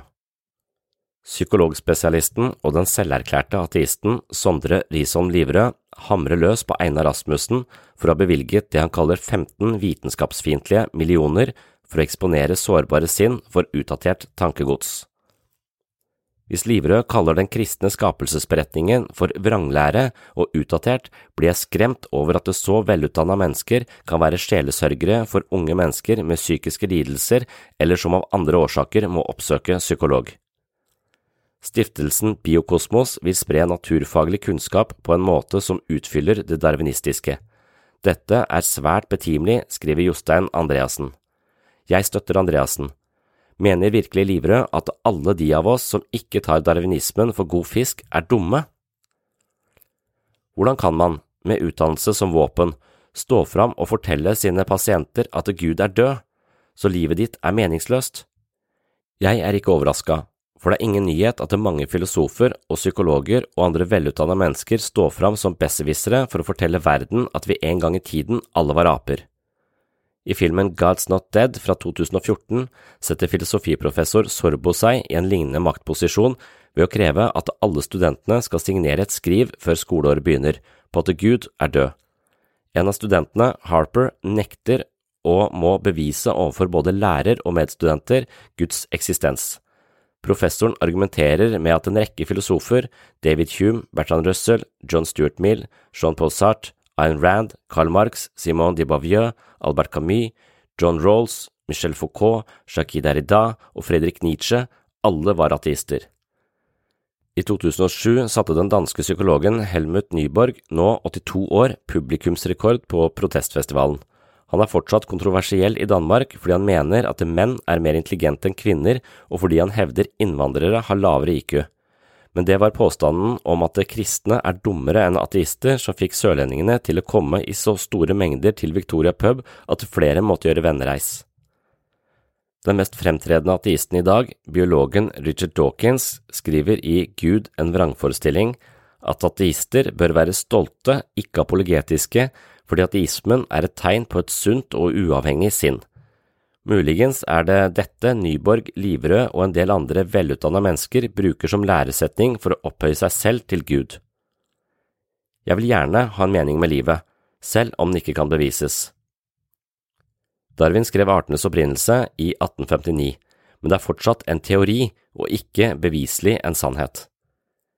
Bibelens beskrivelse av skapelsen med Adam og Eva er den mest vanlige oppfatningen hos kristne, men også filosofer som Søren Kierkegaard og Pascal valgte å tro på Gud. For de av oss som søker en mening med livet, og som ikke har funnet andre forklaringer enn Gud og det evige liv, vil tankegodset til Livrød kunne oppfattes som en fornærmelse. Mange av oss vil aldri kunne si oss enige med filosofen Sartre om at livet er ytterst meningsløst i seg selv, og at vi derfor må ha mot til å leve med meningsløsheten. På 70-tallet var filosofene gjerne dystre folk som så livet som meningsløst. I et av programmene som gikk på NRK i beste sendetid, funderte de på hvordan vi mennesker klarer å forholde oss til en virkelighet hvor vi fødes, avles, eldes, dør og råtner. Journalisten og forfatteren Nick Torses, som døde 20. oktober i år, beskriver livet på en lignende måte. Man blir født, vokser opp, gifter seg, roter litt rundt, og så dør vi. Den danske visesmeden Benny Andersen har sagt at døden er en forutsetning for det vi kaller livet. Han beskriver tanken om evig liv som et evig helvete. Professor i filosofi ved New York University, Thomas Nagel, er ateist og skriver i sin bok Sinn og kosmos at eh, det er ikke bare det at jeg ikke tror på Gud, det er det at jeg håper det ikke finnes noen Gud. For meg krasjer Nagel og Andersens versjon av livet med livet. Jeg vil gjerne ha en mening med livet, selv om den ikke kan bevises. Jeg aksepterer ikke at psykologer skal fortelle meg en annen sannhet enn min egen. Når Richard Dawkins har gjort Nietzsches tese om at Gud er død til en kampsak, gjør det for meg Gud mer levende. Jøden Viktor Frankel spesialiserte seg på meningen med livet, etter blant annet å ha studert tesen om at den som vet hvorfor han lever, han holder ut et hvilket som helst hvordan. Han hadde sittet i konsentrasjonsleir under annen verdenskrig og mente det var eh, menneskets plikt til å finne ut hva som gir livet mening. Ofte siterte han Albert Einstein, som sa at den som anser sitt liv for å være meningsløst, er ikke bare ulykkelig, men knapt nok egnet til å leve. I et kort liv, i et meningsløst univers, og så tilintetgjørelse. Kan noen virkelig glede seg over slike utsikter? spurte den amerikanske forfatteren Philip Yancey. Så lenge Sondre Risholm Livrød ikke kan bevise at Gud ikke finnes, eller at Charles Darwin har rett, skal vi være glade for at det brukes penger på en annen virkelighetsforståelse. Tross alt viser jo forskning at religiøse mennesker er mer lykkelige. Og det var punktum for kronikken til Svein Inge Olsen, som altså er eh, grunnleggeren av protestfestivalen. Jeg må si at jeg har eh, vel sjelden lest en tekst som er så blotta for argumenter for egen sak, og så full av uh, argumenter som uh, stort sett har til hensikt å svekke min integritet, eller han kaller meg besserwisser. Han uh, stiller spørsmålstegn ved hvorvidt jeg egentlig kan operere som psykolog når jeg tror på evolusjon og ikke på kreasjonisme. Han name-dropper en hel haug av forfattere og filosofer. Det er veldig få argumenter for intelligent design her, og hele greia er slags en eh, kampskrift eh, mot eh, disse såkalte besserwisserne som holder til på universitetene og ikke forstår at religion er opium for folket. Det er som om han nesten sånn innrømmer at det er litt lite hold for det han tror på, men at det er helt avgjørende for han å tro på det for at det gir livet en tiltrengt mening. Og det har jeg jo respekt for. Jeg har jo vært eh, i religiøse sammenhenger i mange, mange år, og jeg kan godt forstå at uh, det å tro på Gud og det å ha et, uh, et slags religiøst verdensbilde har en absolutt en helsemessig og spesielt for psykisk helse en gode, god effekt. Jeg tror det kan fungere som en viktig buffer mot ensomhet, meningsløshet og død. Men det betyr ikke at det er sant for det, og det er vel det jeg prøver å sette fingeren på her. Og jeg mener jo også at det er mulig å være religiøs uten å tro på den typen dogmer som eh, driver og krangler med naturvitenskapen, for da kommer veldig ofte de religiøse dogmene til kort. Og det mener jeg er en dum vei å gå hvis du ønsker å forfekte et, eh, et mer åndelig verdensbilde. For jeg tror det er plass til et åndelig verdensbilde, men ikke når de eh, driter seg ut i kamp med evolusjonsbiologer. Så jeg vet ikke, jeg bare Jeg, jeg ble litt forbanna på Svein Inge, for jeg, for jeg syns jo hele denne, denne teksten hans uh, som går direkte i strupen på meg, altså en ad hominem-argument, hvor han hele tiden bare prøver å så tvil ved min integritet, er litt, litt merkelig. Prøver å sette meg i bås med sånne IQ-forsker fra Danmark som har sagt det dummeste du kan si, at menn er mer er smartere enn kvinner, og, og ulike mennesker har forskjellige kapasitet i forhold til det kognitive innenfor hva slags farge vi har på huden, noe som også er helt meningsløst å drive og, og forske på og, og, uttale seg om. Jeg har jo selv uttalt at jeg mener at kvinner er eh, langt mer tilpassa et moderne liv enn det menn er. Og hvorvidt det har noe med IQ å gjøre, er jeg litt usikker på. Jeg mener vel kanskje at de er bedre til å kommunisere, samarbeide og snakke om følelser, mens menn er bedre til å stikke eller slå folk i hjel. Og så er jeg litt usikker på om den eh, mannlige intelligensen ved å reagere aggressivt eller eh, med flukt er eh, det beste strategien vi har i møte med en komplisert verden hvor samarbeid sitter i høysetet. Ja, så mener jeg vel kanskje at denne kvinnelige overlevelsesmekanismen, hvor de har basert seg på samarbeid istedenfor eh, angrep, er eh, langt mer fornuftig.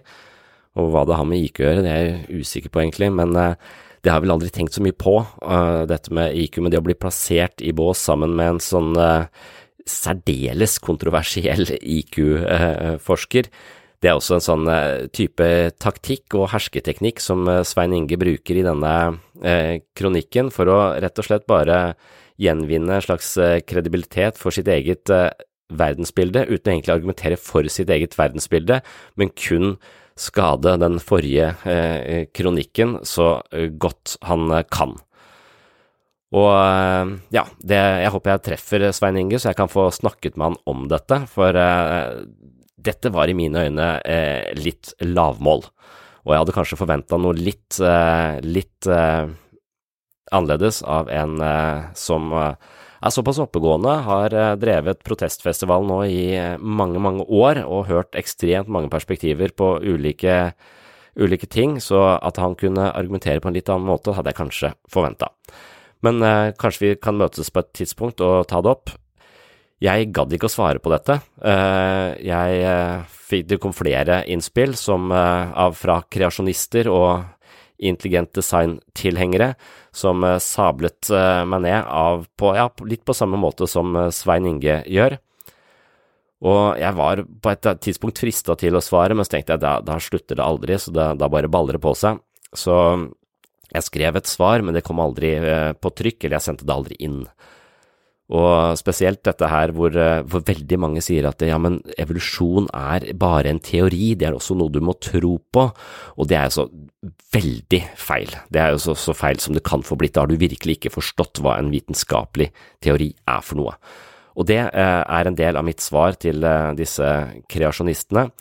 Så i neste segment nå så skal jeg eh, kort eh, gå gjennom hvilke hvilke svar jeg ville gitt til eh, disse folka hvis, eh, hvis jeg hadde giddet å sende inn eh, mer til avisene, men som sagt så synes jeg det er bedre å møte folk ansikt til ansikt og snakke med dem enn det jeg kalte for kronikkrangling i avisene. Men her kommer mitt svar, og det jeg gjerne vil si til Svein Inge når vi eventuelt møtes.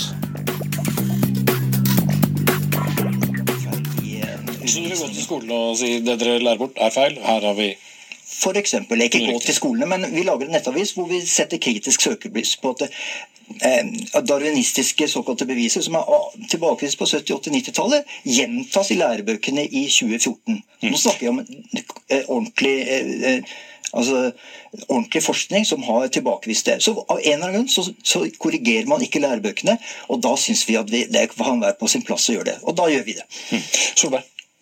Nei, jeg, altså, jeg, jeg synes jo at dette, det, det sier seg selv at dette eh, blir, eh, blir, feil. Spesielt når en har som hovedformål med denne stiftelsen ja. å, å, å, rette seg mot, mot, mot, barn og ungdom. altså Målgruppa er 15 til 25 år. og en, en, går mot disse faggruppene mest først og fremst for å overbevise de om deres syn, ikke for å sånn sett spre, spre kunnskap. Så det hadde jo kanskje vært bedre bruk av disse 15 millionene at en hadde eh, brukt de på det faglige, hvis en mener så sterkt at dette er teorier som bør utvikles mer faglig, framfor å da drive på en måte propaganda. Men burde du, mot, Ville du gjort noe mer aktivt for å sette en, eh, en stopper for at man sånn sett som du mener, kan kjøpe seg plass i, i skolen?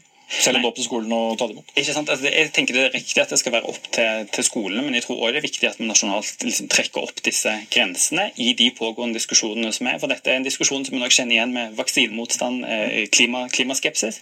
Så det blir også viktig at den, den sier tydelig ifra, sånn at rektorer og lærere der ute også har backing for oss som er nasjonale politikere, når de da eh, sier eh, nei til denne typen ting. Det Svein Inge Olsen skrev om meg, det følte jeg var særdeles upresist. Han kjenner meg åpenbart ikke, men uttaler seg som om han gjør det. Jeg lurer på hvorfor han tror at jeg forteller pasienter at Gud er død. Hvorfor skulle jeg egentlig gjøre det? Jeg er veldig klar over hvor viktig religion er for mange mennesker, og da vil jeg selvfølgelig ikke forsøke å rokke ved dette i en pasient-behandler-relasjon. Likevel insinuerer Svein Inge nettopp det, og det er tydelig at han baserer seg på personangrep fremfor argumenter for sin egen sak. Min mening er at det åndelige har en viktig plass i menneskelivet. Jeg har nylig brukt fem år av livet mitt aktivt i en menighet for å utforske det åndelige. I forhold til kronikken jeg skrev, mener jeg bare at det åndelige ikke bør inn på naturvitenskapens banehalvdel, for da mister det sin dybde og betydning. Og jeg mistenker at det er den manøveren som gjør at samfunnet stadig blir mer sekularisert, mens jeg ønsker ikke nødvendigvis et fullstendig sekulært samfunn. Jeg har skrevet en bok om dette, Psykologens journal, og hovedhensikten var egentlig å gi det åndelige mer oppmerksomhet og betydning i dagens samfunn. Sånn sett det motsatte å påstå at Gud er død. Jeg lurer også på hvorfor Svein Inge skriver på en måte som skal skade min integritet som psykolog. Slik jeg leser Svein Inge Olsen, boltrer han seg i stråmenn og krydrer teksten med sine aggressive ad hominem-argumenter og korte sitater fra autoriteter for å gi et skinn av etterrettelighet. På Webpsykologen publiserer jeg her mitt eh, potensielle svar til kreasjonistene som har fylt min innboks med sinte motforestillinger og mer vennlige innspill som informerer meg om at de ber for meg eh, i flere av byens eh, menigheter. Det er for så vidt hyggelig, og jeg har stor respekt for religion, men vi må ikke la religiøse dogmer bli pensum i naturfag. Det hører ikke hjemme der. Men muligheten for at det plutselig havner der, er ikke helt fjern. Her kommer altså en, et nytt innspill som jeg kaller 15 farlige millioner til utdatert eh, tankegods. Einar Johan Rasmussen gir 15 millioner kroner til en stiftelse som har til hensikt å avvise Darwin og forfekte intelligent design. I raushetens navn kan vi tenke at det er greit fordi den enkelte har rett til sitt eget synspunkt. Kreasjonisme er en utdatert idé som ikke kan true et eh, vitenskapelig opplyst samfunn. Men er det så sikkert? Jeg vil hevde at vi lever i en tid hvor eh, milliardærens initiativ er mer skadelig enn man skulle tro. Vitenskapen har tatt oss langt, men også blitt så komplisert at ingen egentlig forstår dybden i ulike fagfelt. I et slikt klima er det rom for å hjernevaske mannen i gata med vitenskapsfiendtlige ideer, særlig hvis du er økonomisk ressurssterk. Vitenskap er bygd opp over generasjoner. En sjelden gang dukker det opp et geni med nok innsikt til å skape grunnleggende endringer innenfor en vitenskapelig disiplin. Men selv nye og revolusjonerende oppdagelser bygger på det andre har funnet ut tidligere. Sir Isaac Newton er kjent for følgende sitat. Hvis jeg har sett lenger, så er det ved å stå på skuldrene til kjemper. Nye ideer dukker opp i kjølvannet av det vi allerede vet etter årevis med studier. Etter hvert som vitenskapen avanserer, skjer det to ting. Når feltet blir for stort, deler det seg opp i mindre undergrupper som er lettere å håndtere. Biologi deles opp i mikro og makro, og deretter dannes helt nye disipliner som for eksempel molekylærbiologi. Dette baner vei for genetikk, som videre åpner for bioinformatikk, osv. I takt med at stadig flere eksotiske vitenskapelige undergrupper ser dagens lys, utvikles nye metoder på de ulike feltene. Kompleksiteten øker, og det innebærer at enkeltpersoner ikke har kapasitet til å forstå dybden i mer enn noen få områder. Hvordan kan man kommunisere med lekfolk som ikke har kunnskap verken innen metodelære, grunnforskning eller epistemologi, men som likevel er ivrig etter kunnskap? Hvordan kan man formidle de fine nyansene på de ulike feltene? Det kan man ikke, noe som gir fotfeste for svindlere. Man trenger ikke overbevise menneskeheten på tvers av generasjoner for å vinne gehør for sine meninger. Man kan overbevise én av gangen, eventuelt en liten gruppe. Det man trenger for å tro på arvesynd, kan man lære seg på en ettermiddag, og arvesynd er viktig. Historien forteller oss at mennesket er født syndig fordi Adam og Eva syndet i Edens hage. Uten arvesynden hadde vi ikke trengt Jesus til å redde oss. Skapelsesberetningen baserer seg på Adam og Eva som de første menneskene på jorda, og syndefallet lenker mennesket til en selsom arv. I evolusjonslæren er det ikke plass til verken Adam, Eva eller arvesynd. For kristne må skapelsesberetningen være sann, og det er kanskje så viktig at 15 millioner nesten er billig. En godtroende elev uten trening i kritisk tenkning kan ikke skille mellom veldokumentert data og pseudovitenskap. Universitetsutdannede autoriteter finnes på begge sider av bordet, og da er det sannsynlig at den naive eleven ikke velger et resonnement basert på kunnskap, men snarere på følelsesmessig innhold og dugelig propaganda. Når kvakksalvere får innpass hos godtroende mennesker, rammes de som er minst beskytta. I hver generasjon finnes det en gruppe potensielle ofre som lar seg overtale av forførende budskap med lovnader om lønn i det hinsidige. Så når land som USA tillater kreasjonistene tilgang til skole og barnehager, har man allerede tapt. Jeg tror ikke at Norge er på vei dit, men på grunn av et helt spesielt intellektuelt klima vil jeg være på vakt når Rasmussen spanderer millioner på biokosmos.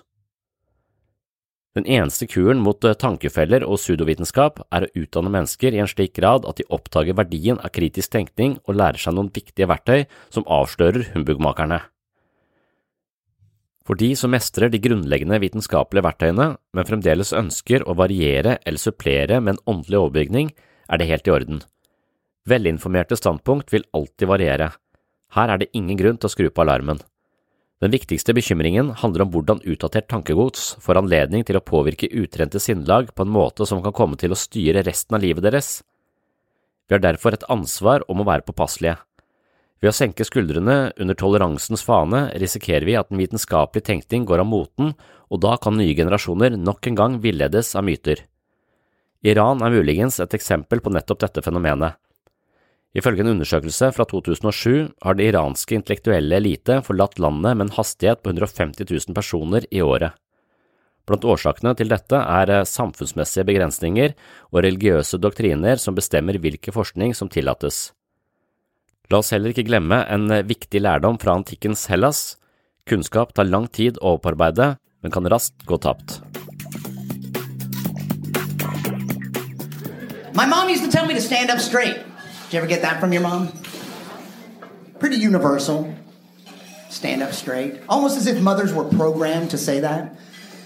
I think mothers have been telling their kids to stand up straight for longer than we realize. Perhaps even to pre human days. What if that were the driving force behind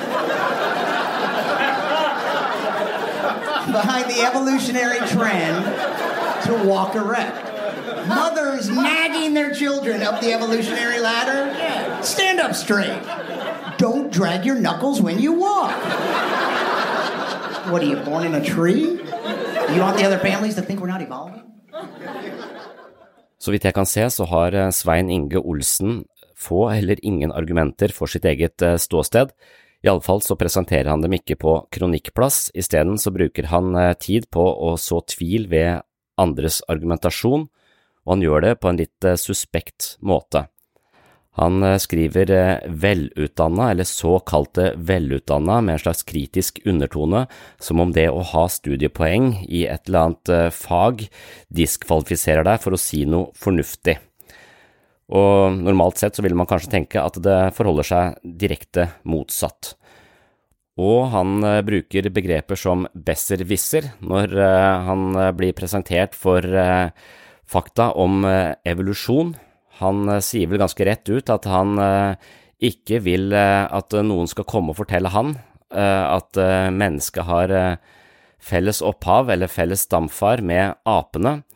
Det forstyrrer hans uh, verdensbilde, og han mener at han trenger et uh, verdensbilde med en gud og et liv etter døden for at livet skal i det hele tatt ha noen mening for han.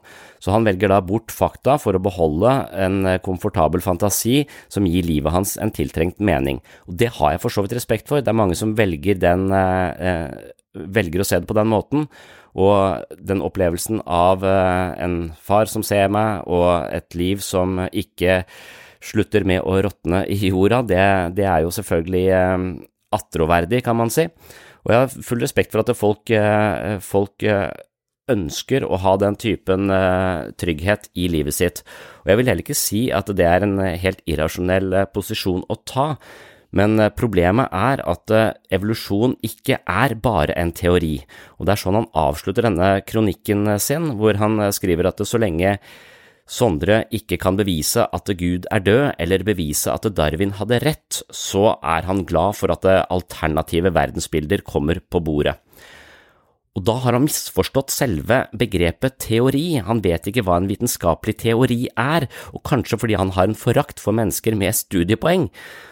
Så jeg, må, jeg, er nødt til å si noe på slutten av denne podkasten om hva som konstituerer en vitenskapelig teori. Bare fordi revolusjonen kalles en evolusjonsteori, så er det ikke fordi at man kan eh, velge å tro eller ikke tro på den. Det er ikke noe som eh, folk gjetter seg til. En vitenskapelig teori er noe helt annet. Og Svein Inge, han eh, dette, dette, mener jeg er et argument fra, som vi ble ferdig med i 2006, da Dawkins eh, kom med sin bok, og, men, men, det virker som man er nødt til å gjenta det. Hele tiden når jeg snakker om evolusjon med, med mennesker av eh, religiøs karakter, så kommer de ofte med dette argumentet om at ja, men evolusjon er også bare en teori, du velger å tro på noe annet, mens jeg velger å tro på dette, som om de, det de tror på er likestilt. Det er det ikke. Så da blir jeg nødt til å avslutte dagens episode med en eh, oppklaring av eh, evolusjonens vitenskapelige status. I'm almost embarrassed to say I finally started reading uh, a very classic science book that's been out for 150 years next month. It's Charles Darwin's The Origin of Species. Yeah. Has anyone here read it? Yeah, really? Don't tell me how it ends. Have some suspense there. Really, it is the, uh, do you know, it's the 150th anniversary. The book's been out 150 years, and yet, look how many people in the United States still don't believe in evolution. Just the fact that that many people don't believe in evolution might be the strongest evidence that it isn't occurring.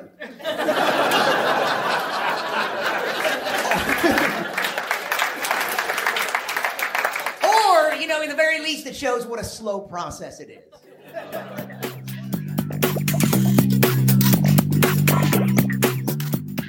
Den britisk-amerikanske antropologen og humanisten Ashley Montage er kjent for en litt eh, popularisert uttalelse om forholdet mellom vitenskap og kreasjonisme. Science has proof without any certainty. Creationists have certainty without any proof. Det finnes som nevnt masse bevis for evolusjon, men samtidig foreligger det en del elementer som krever mer forskning. I mai 2009 er mediene eksempelvis fulle av oppslag om Ida, som angivelig er the missing link mellom våre forfedre og vår utvikling mot Homo sapiens. Det er forskeren Jørn Hurum som står bak undersøkelsen av Ida, som er en 47 millioner år gammel fossil. Ida er nesten perfekt bevart, noe som presenteres som en vitenskapelig sensasjon.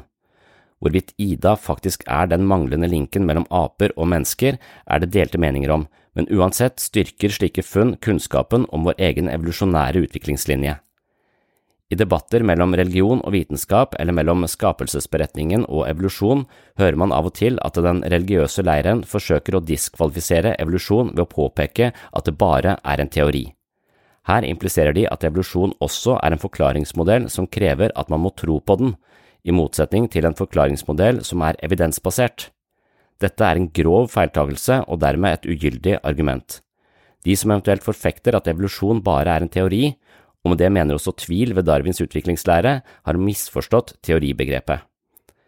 Som regel forekommer det en forvirring i forhold til ulike definisjoner av teori. I hverdagslig forstand kan teori bety at man har gjettet seg frem til en bestemt forståelsesmodell. Denne typen teori er en ikke-akademisk og ikke-vitenskapelig versjon som i all hovedsak refererer til en personlig konklusjon eller oppfattelse av et fenomen. En vitenskapelig teori er noe helt annet. Vitenskapelige teorier forklarer og ordner fakta. Videre bør det legges til at et vitenskapelig fakta er understøttet av empirisk bevismateriale fremskaffet i velkontrollerte studier basert på vitenskapelige metoder. I tillegg vil vitenskapelige fakta alltid korrigere seg selv. Det er et resultat av eh, nøyaktige analyser av det foreliggende bevismaterialet. Dersom bevisene endrer seg, vil de tilhørende kjensgjerningene og teoriene endre seg tilsvarende. Først når man har akkumulert et massivt bevismateriale i forhold til et bestemt fenomen, kan man utvikle en vitenskapelig teori som forklarer de evidensbaserte forholdene. Men det kan ikke regnes som en vitenskapelig teori før hele materialet, samt den tentative teorien, har gjennomgått en omfattende høring blant andre fagfolk. I tillegg må teorien gjengis i artikler som deretter må godkjennes for publisering, og her er det strenge kriterier når det kommer til etterrettelig datamateriale. Før en teori blir akseptert som vitenskapelig, vil den debatteres, testes og utfordres av andre fagfolk. Man vil også forsøke å finne elementer som kan felle eller falsifisere teorien, hvorpå den blir forkasta.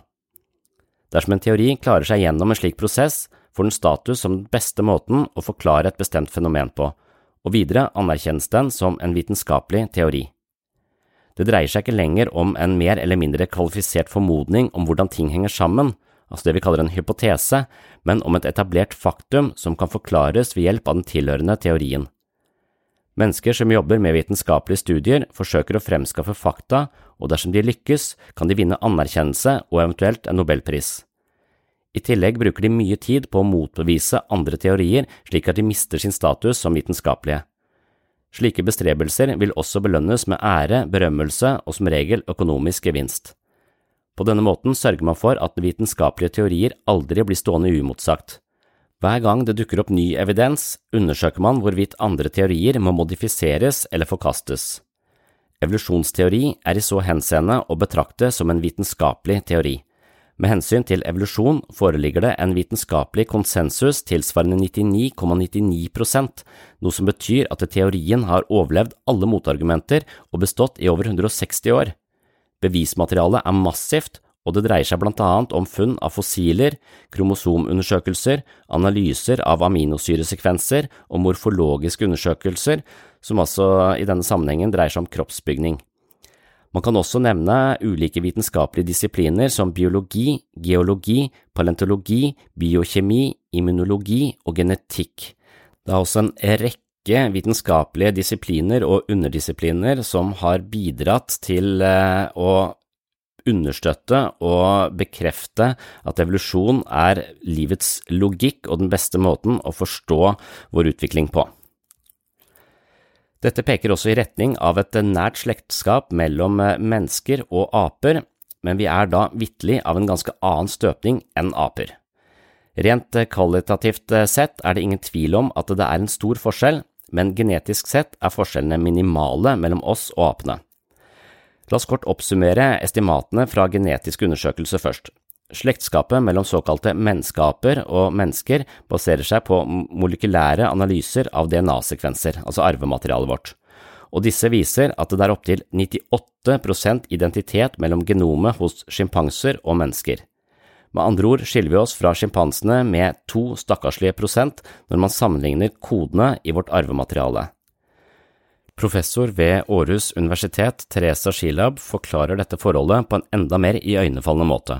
I boken Den biologiske bevissthet fra 2000 forteller hun at sjimpanser og mennesker atskiller seg fra hverandre på ca. 30 millioner nukleide posisjoner. Det tallet kan kanskje virke stort dersom man ikke vet hva det betyr, men den genetiske likheten blir åpenbar når vi legger til at mennesker normalt sett atskiller seg fra hverandre med fem millioner nukleide posisjoner. Forskjellen innad i vår egen rase er dermed ikke så mye mindre enn forskjellen mellom oss og apene. Dersom poenget fremdeles er litt uklart, finnes det ennå en illustrasjon som er ganske tankevekkende. Det er større forskjell på en hest og et esel enn det er på et menneske og en menneskeape. Og da kan man i denne sammenhengen huske på at et esel og en hest kan pares og få et avkom som kalles for muldyr eller mullesel, avhengig av kjønn og krysning. I evolusjonsbiologiske kretser kalles mennesket for den femte apen. Det finnes eksemplarer av hodeskallen til våre forfedre, og forskjellene er at kraniet til den femte apen er litt større enn hos forfedrene. Jeg vil anta at de fleste av oss i alle fall fornemmer denne likheten når vi møter blikket til en sjimpanse i dyreparken. Noen vil avskrive denne familiariteten som tilfeldig eller ikke-eksisterende og tviholde på at Gud skapte mennesket i sitt bilde for 6000 år siden men jeg tror at man må gjenta denne overbevisningen som et evinnelig mantra eller som en suggererende regle minst halvannen time hver søndag dersom en slik forestilling ikke skal miste sin kraft og dermed fremstå som direkte absurd i møte med veldokumenterte evolusjonære fakta. Det er ingen tvil om at likheten mellom oss og våre kusiner og fettere i apefamilien er himmelropende, og dermed blir spørsmålet om hvorfor vi likevel er kvalitativt annerledes enn apene enda mer interessant og aktuelt. Hva er den lille forskjellen som likevel er så stor?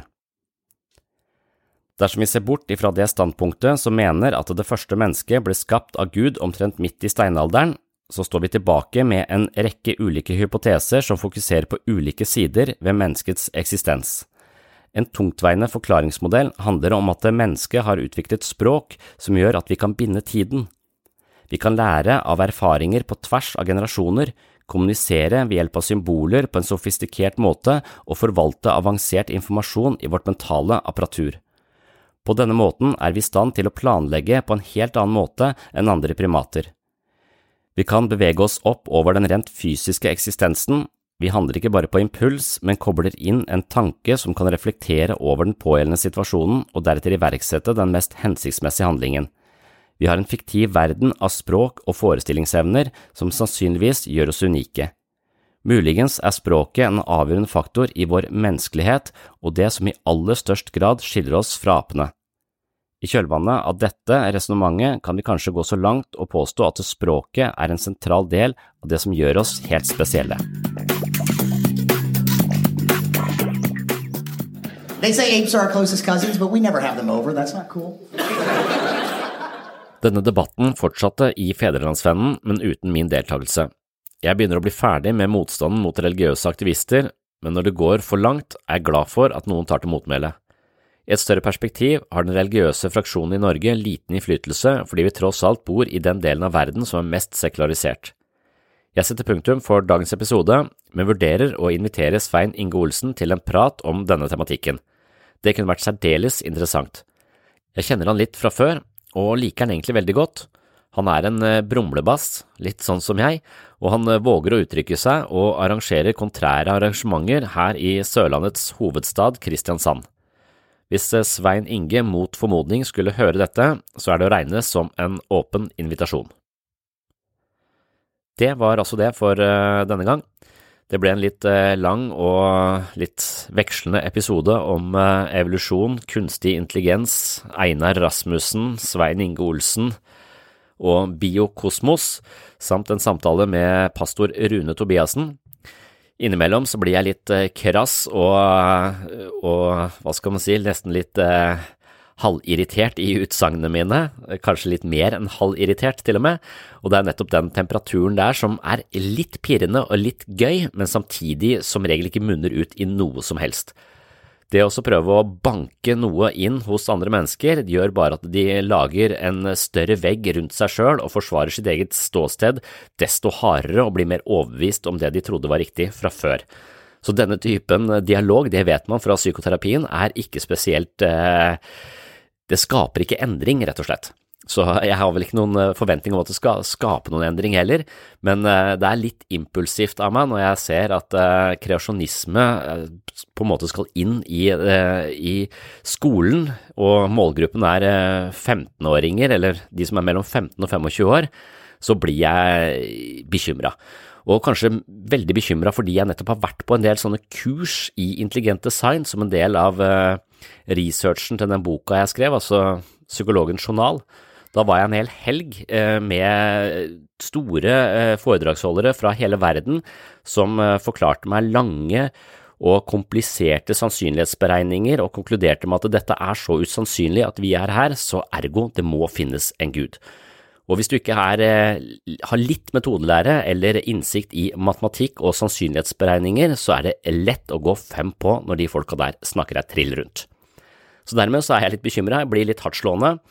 Og som sagt, jeg er jo ikke noen motstander av religion generelt sett. Altså, jeg eh, liker og har en slags sans for at eh, vi kan ha en slags åndelig overbygning på livet vårt, men det må ikke blande seg inn i de faktiske forholdene eller late som om det er vitenskap, for da blir det pseudovitenskap, og det er vi ikke tjent med, verken de som tror på Gud eller de som ikke tror på Gud. Det var det jeg hadde for denne gang. Håper du henger med i neste episode. På gjenhør!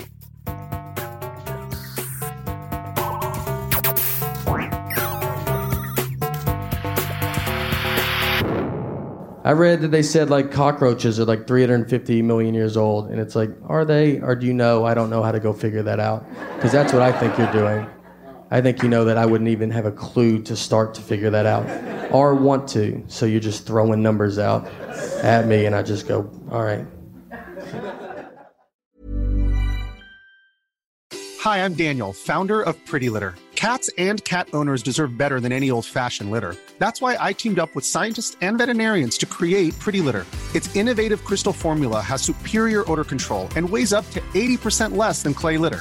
Pretty Litter even monitors health by changing colors to help detect early signs of potential illness. It's the world's smartest kitty litter.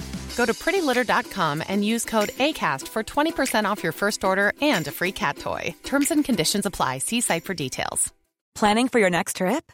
Elevate your travel style with Quince. Quince has all the jet setting essentials you'll want for your next getaway, like European linen, premium luggage options, buttery soft Italian leather bags, and so much more. And is all priced at 50 to 80% less than similar brands. Plus, Quince only works with factories that use safe and ethical manufacturing practices.